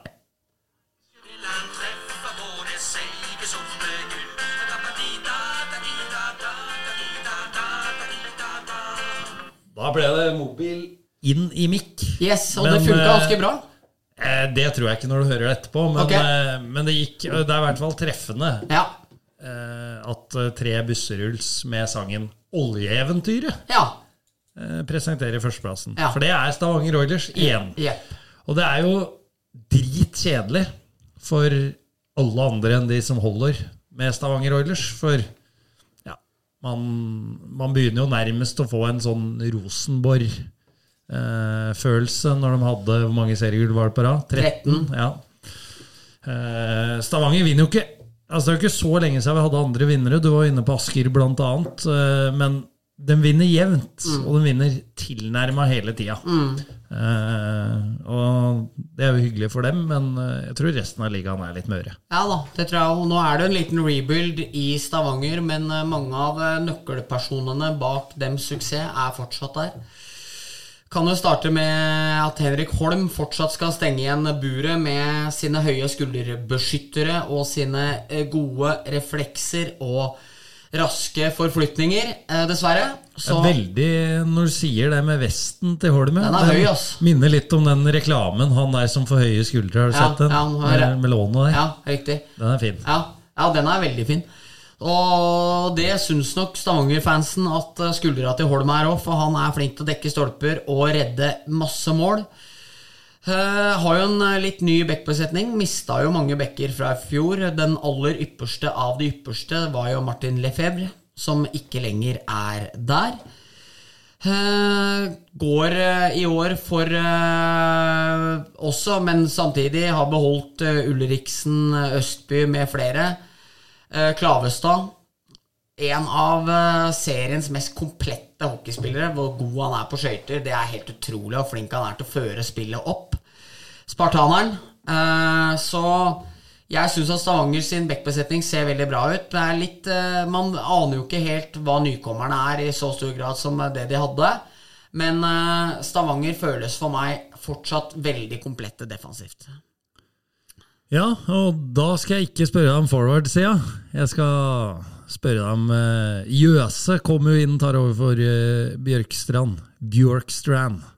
Yep. Uh, den eh, Ja, vi var jo inne på han tidligere. Når du, når du soper med deg fire gull på de siste to åra, og så får du ikke være der mer, Nei, da sier jo det ganske mye om hvordan du er som person. det er jo en eh, slutning man kan trekke. Det, det er jeg for så vidt helt enig Så han har liksom ikke slått folk som et fyrverkeri av en mann. Nei, absolutt Men ikke. Men dyktig trener, altså. Ja, virkelig. Så offensivt så er jo Stavanger mindre, eh, altså rent fysisk, enn hva det har vært de foregående åra. Og Det som bekymrer meg, i gåsetegn, for jeg skal jo ikke bekymre meg for om Stavanger får suksess, er jo at eh, utlendingene de har mista, eh, var liksom ikke noe å henge helt høyest i juletreet heller. Altså, Rob Bordson var jo veldig nyttig spiller for dem, men eh, det skal jo være mulig å erstatte han på en måte. De andre offensive løperne var jo ikke noe de ønska å beholde sjøl heller. Røra litt i den bollen, fått Trettenes inn. Eh, fått Martin Gran inn, som vi vet har stort uforløst eh, potensial i en toppklubb. Nå har han vært veldig god i Lillehammer, men eh, det blir spennende å se hva han kan gjøre i en eh, stor rolle i et eh, bra lag. Patrick Elvsveen, det var det mange hamarsinger som eh, var lei seg for. At han bytta ut Petter Thoresen og Storhamar med Jøse og Oilers. En utrolig god skøyteløper, lojal, fin gutt. Eh, så jeg syns at Stavanger ser eh, breie ut. Jeg mener det at det faktum at de mister utlendinger som ikke var så jævlig gode, gjør at de, de, de har liksom ikke mista van Gilder og Kisley Primen, på en måte. Der du på en måte da blir usikker, og som skjedde med dem etter 16-17-suksessen. Uh, at de har liksom ikke mista de spillerne som på en måte har dratt hele laget på egen hånd.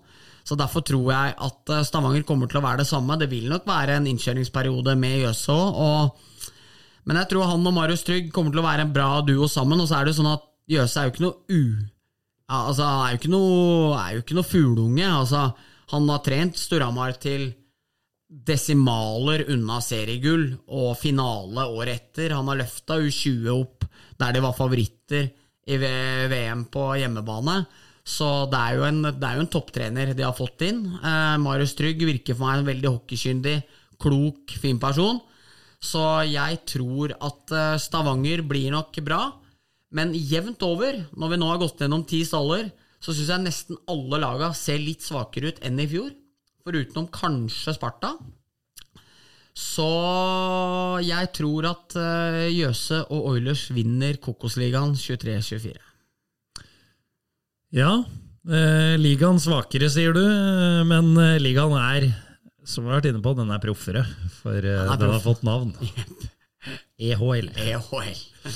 Så det er det ingen tvil om. Jeg tenker, Bendik, at vi kan ta eh, litt grann sånn på tampen her. Nå har vi vært, eh, vært gjennom ligaen, servert eh, fasit med, med bitte små uenigheter, du og jeg, men vi er ganske unisone. Vi må ha kaktus og blomst i dag òg. Yes, det er nettopp det vi skal ha. Herlig.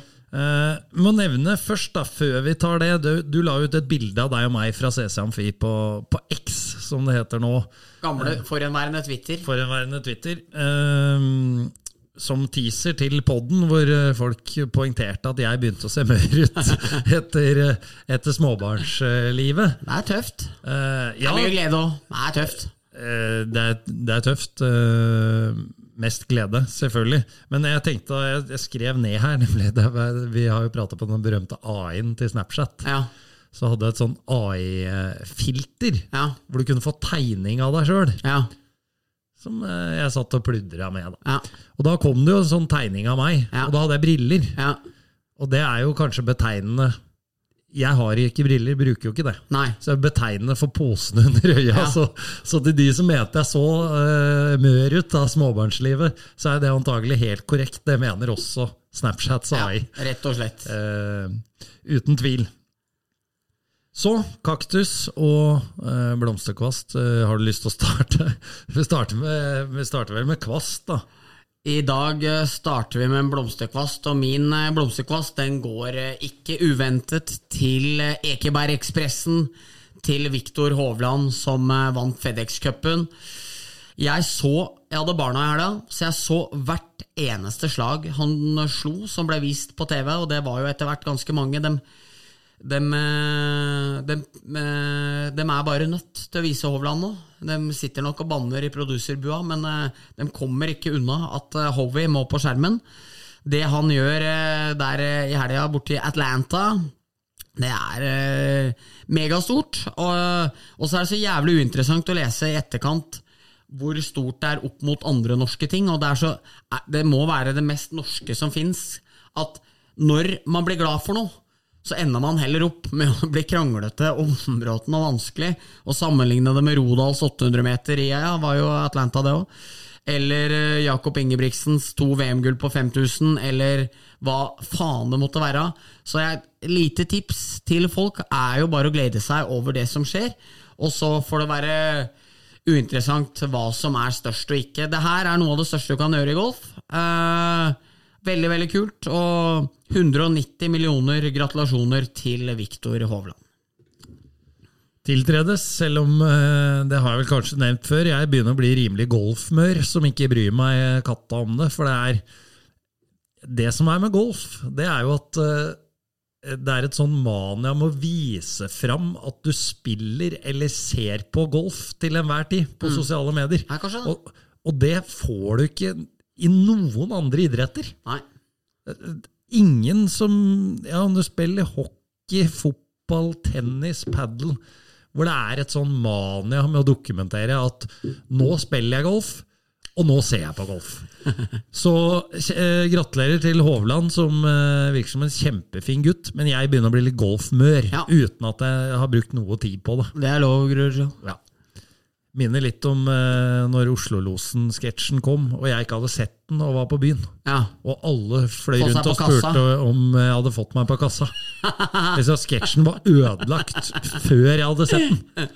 Eh, Så jeg måtte jo vente to-tre år jeg, før jeg kunne se den og glise Rela- av Harald Eia som fortjent. Relativt enorm karakter, denne Kjell Aronsen. Vi må vel kunne si det. Ja, det er, det er enorm TV, Ja.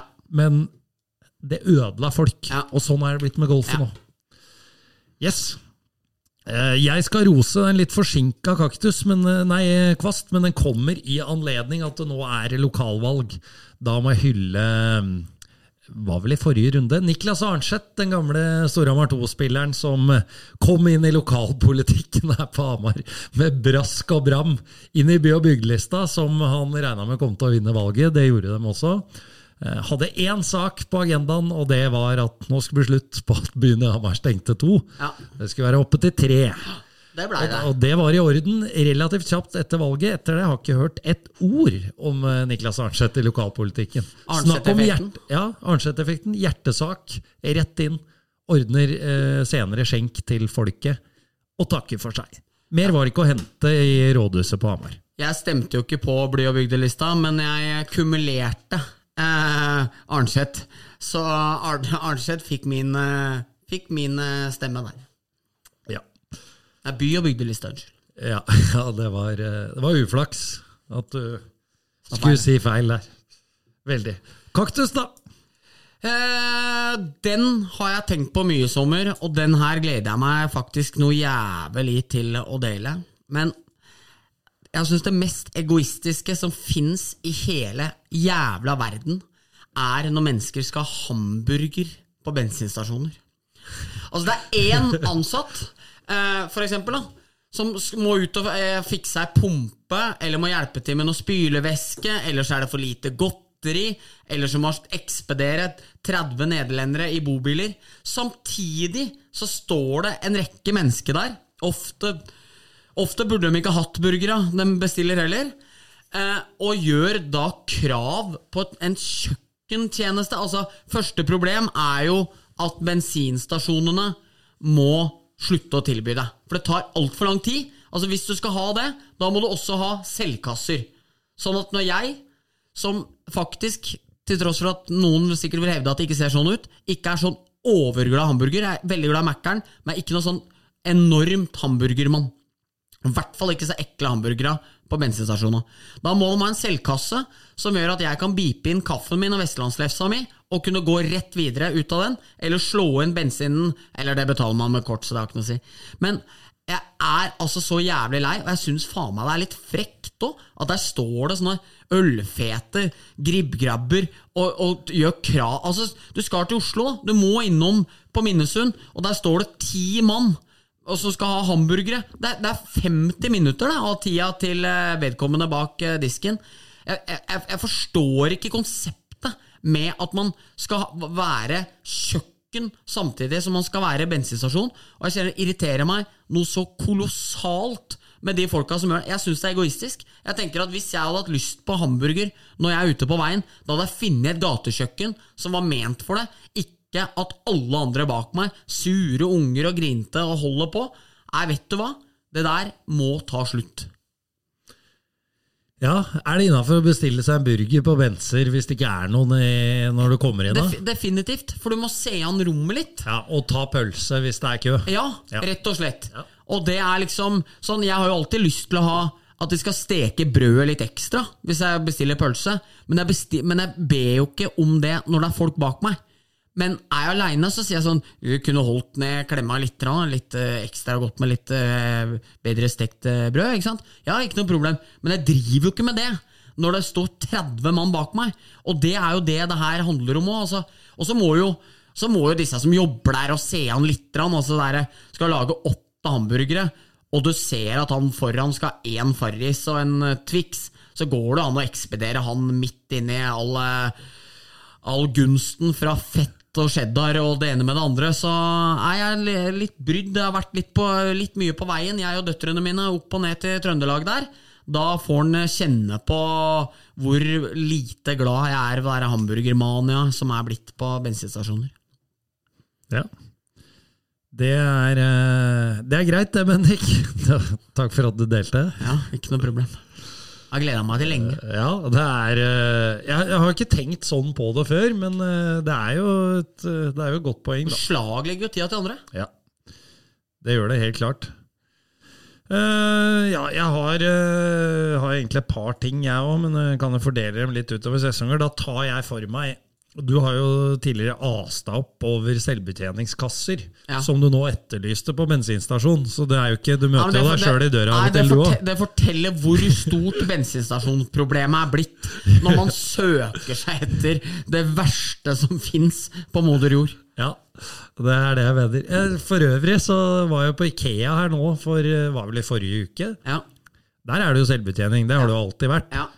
Eh, og der står jo folk og blyr seg. Igjen, der har du null spilleforståelse. Altså, der står folk med fulle sånne traller. Ja. Vi snakker 30-40 eh, unike som må skannes, da. ja, Der står jeg med to pakker med noe bein til ei seng. ja. Slipper ikke foran.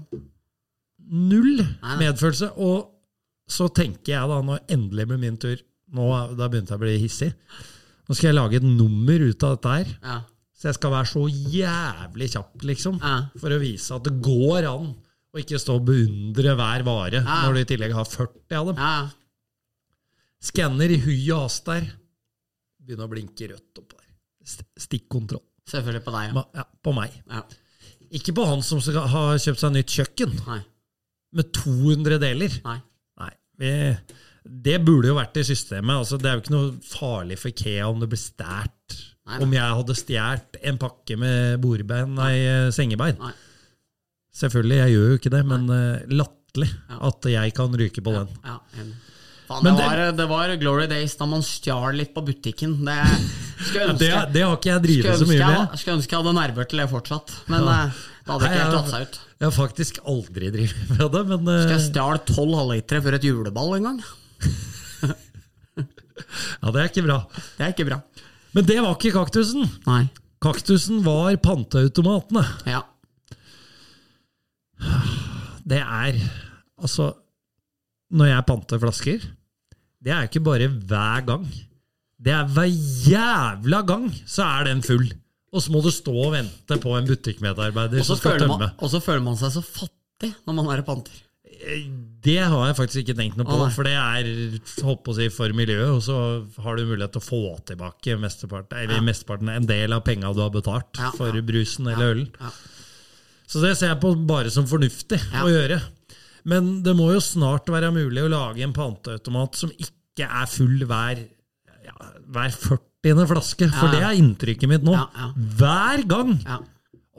Og du må stå der, og den pipa. Ja. Og der er du på Rema, så kan du love at det er jo ikke en person som er ledig Nei, nei. til å håndtere det. Nei, nei, jeg er helt enig med deg. Jeg, jeg panter to ganger i året.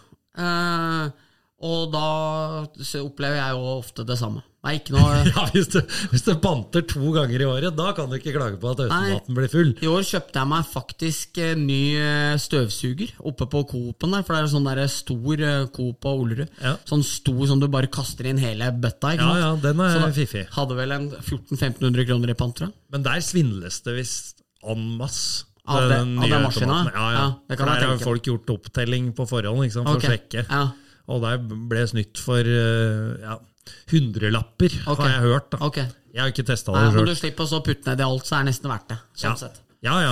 Det, det er fair, det. Men samtidig driver du med pant, så bør, Så er det jo tungt. bør jo konseptet være at du, får, får det Ja, du panter. panter. en, en, Men eh, det er nå det, i hvert fall. Øk kapasiteten litt. Ja. Det er min oppfordring til eh, Ja, det er vel ikke Tomra som har det lenger. Nei.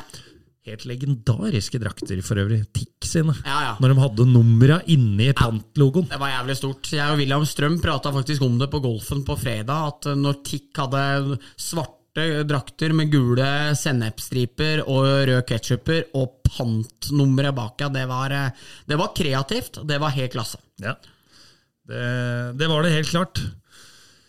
Uh, er vi ved veis ende? Ja, Vi er ved vei veis ende. Ja. Eh, det ble nesten to timer. Det er ikke verst, det første gang. Eh, nå skal vi vel være forsiktige med å love noe utover sesongen. Men det er i hvert fall én episode før droppen, eh, før første dropp. Ja. Det kan vi love. Det kan vi love.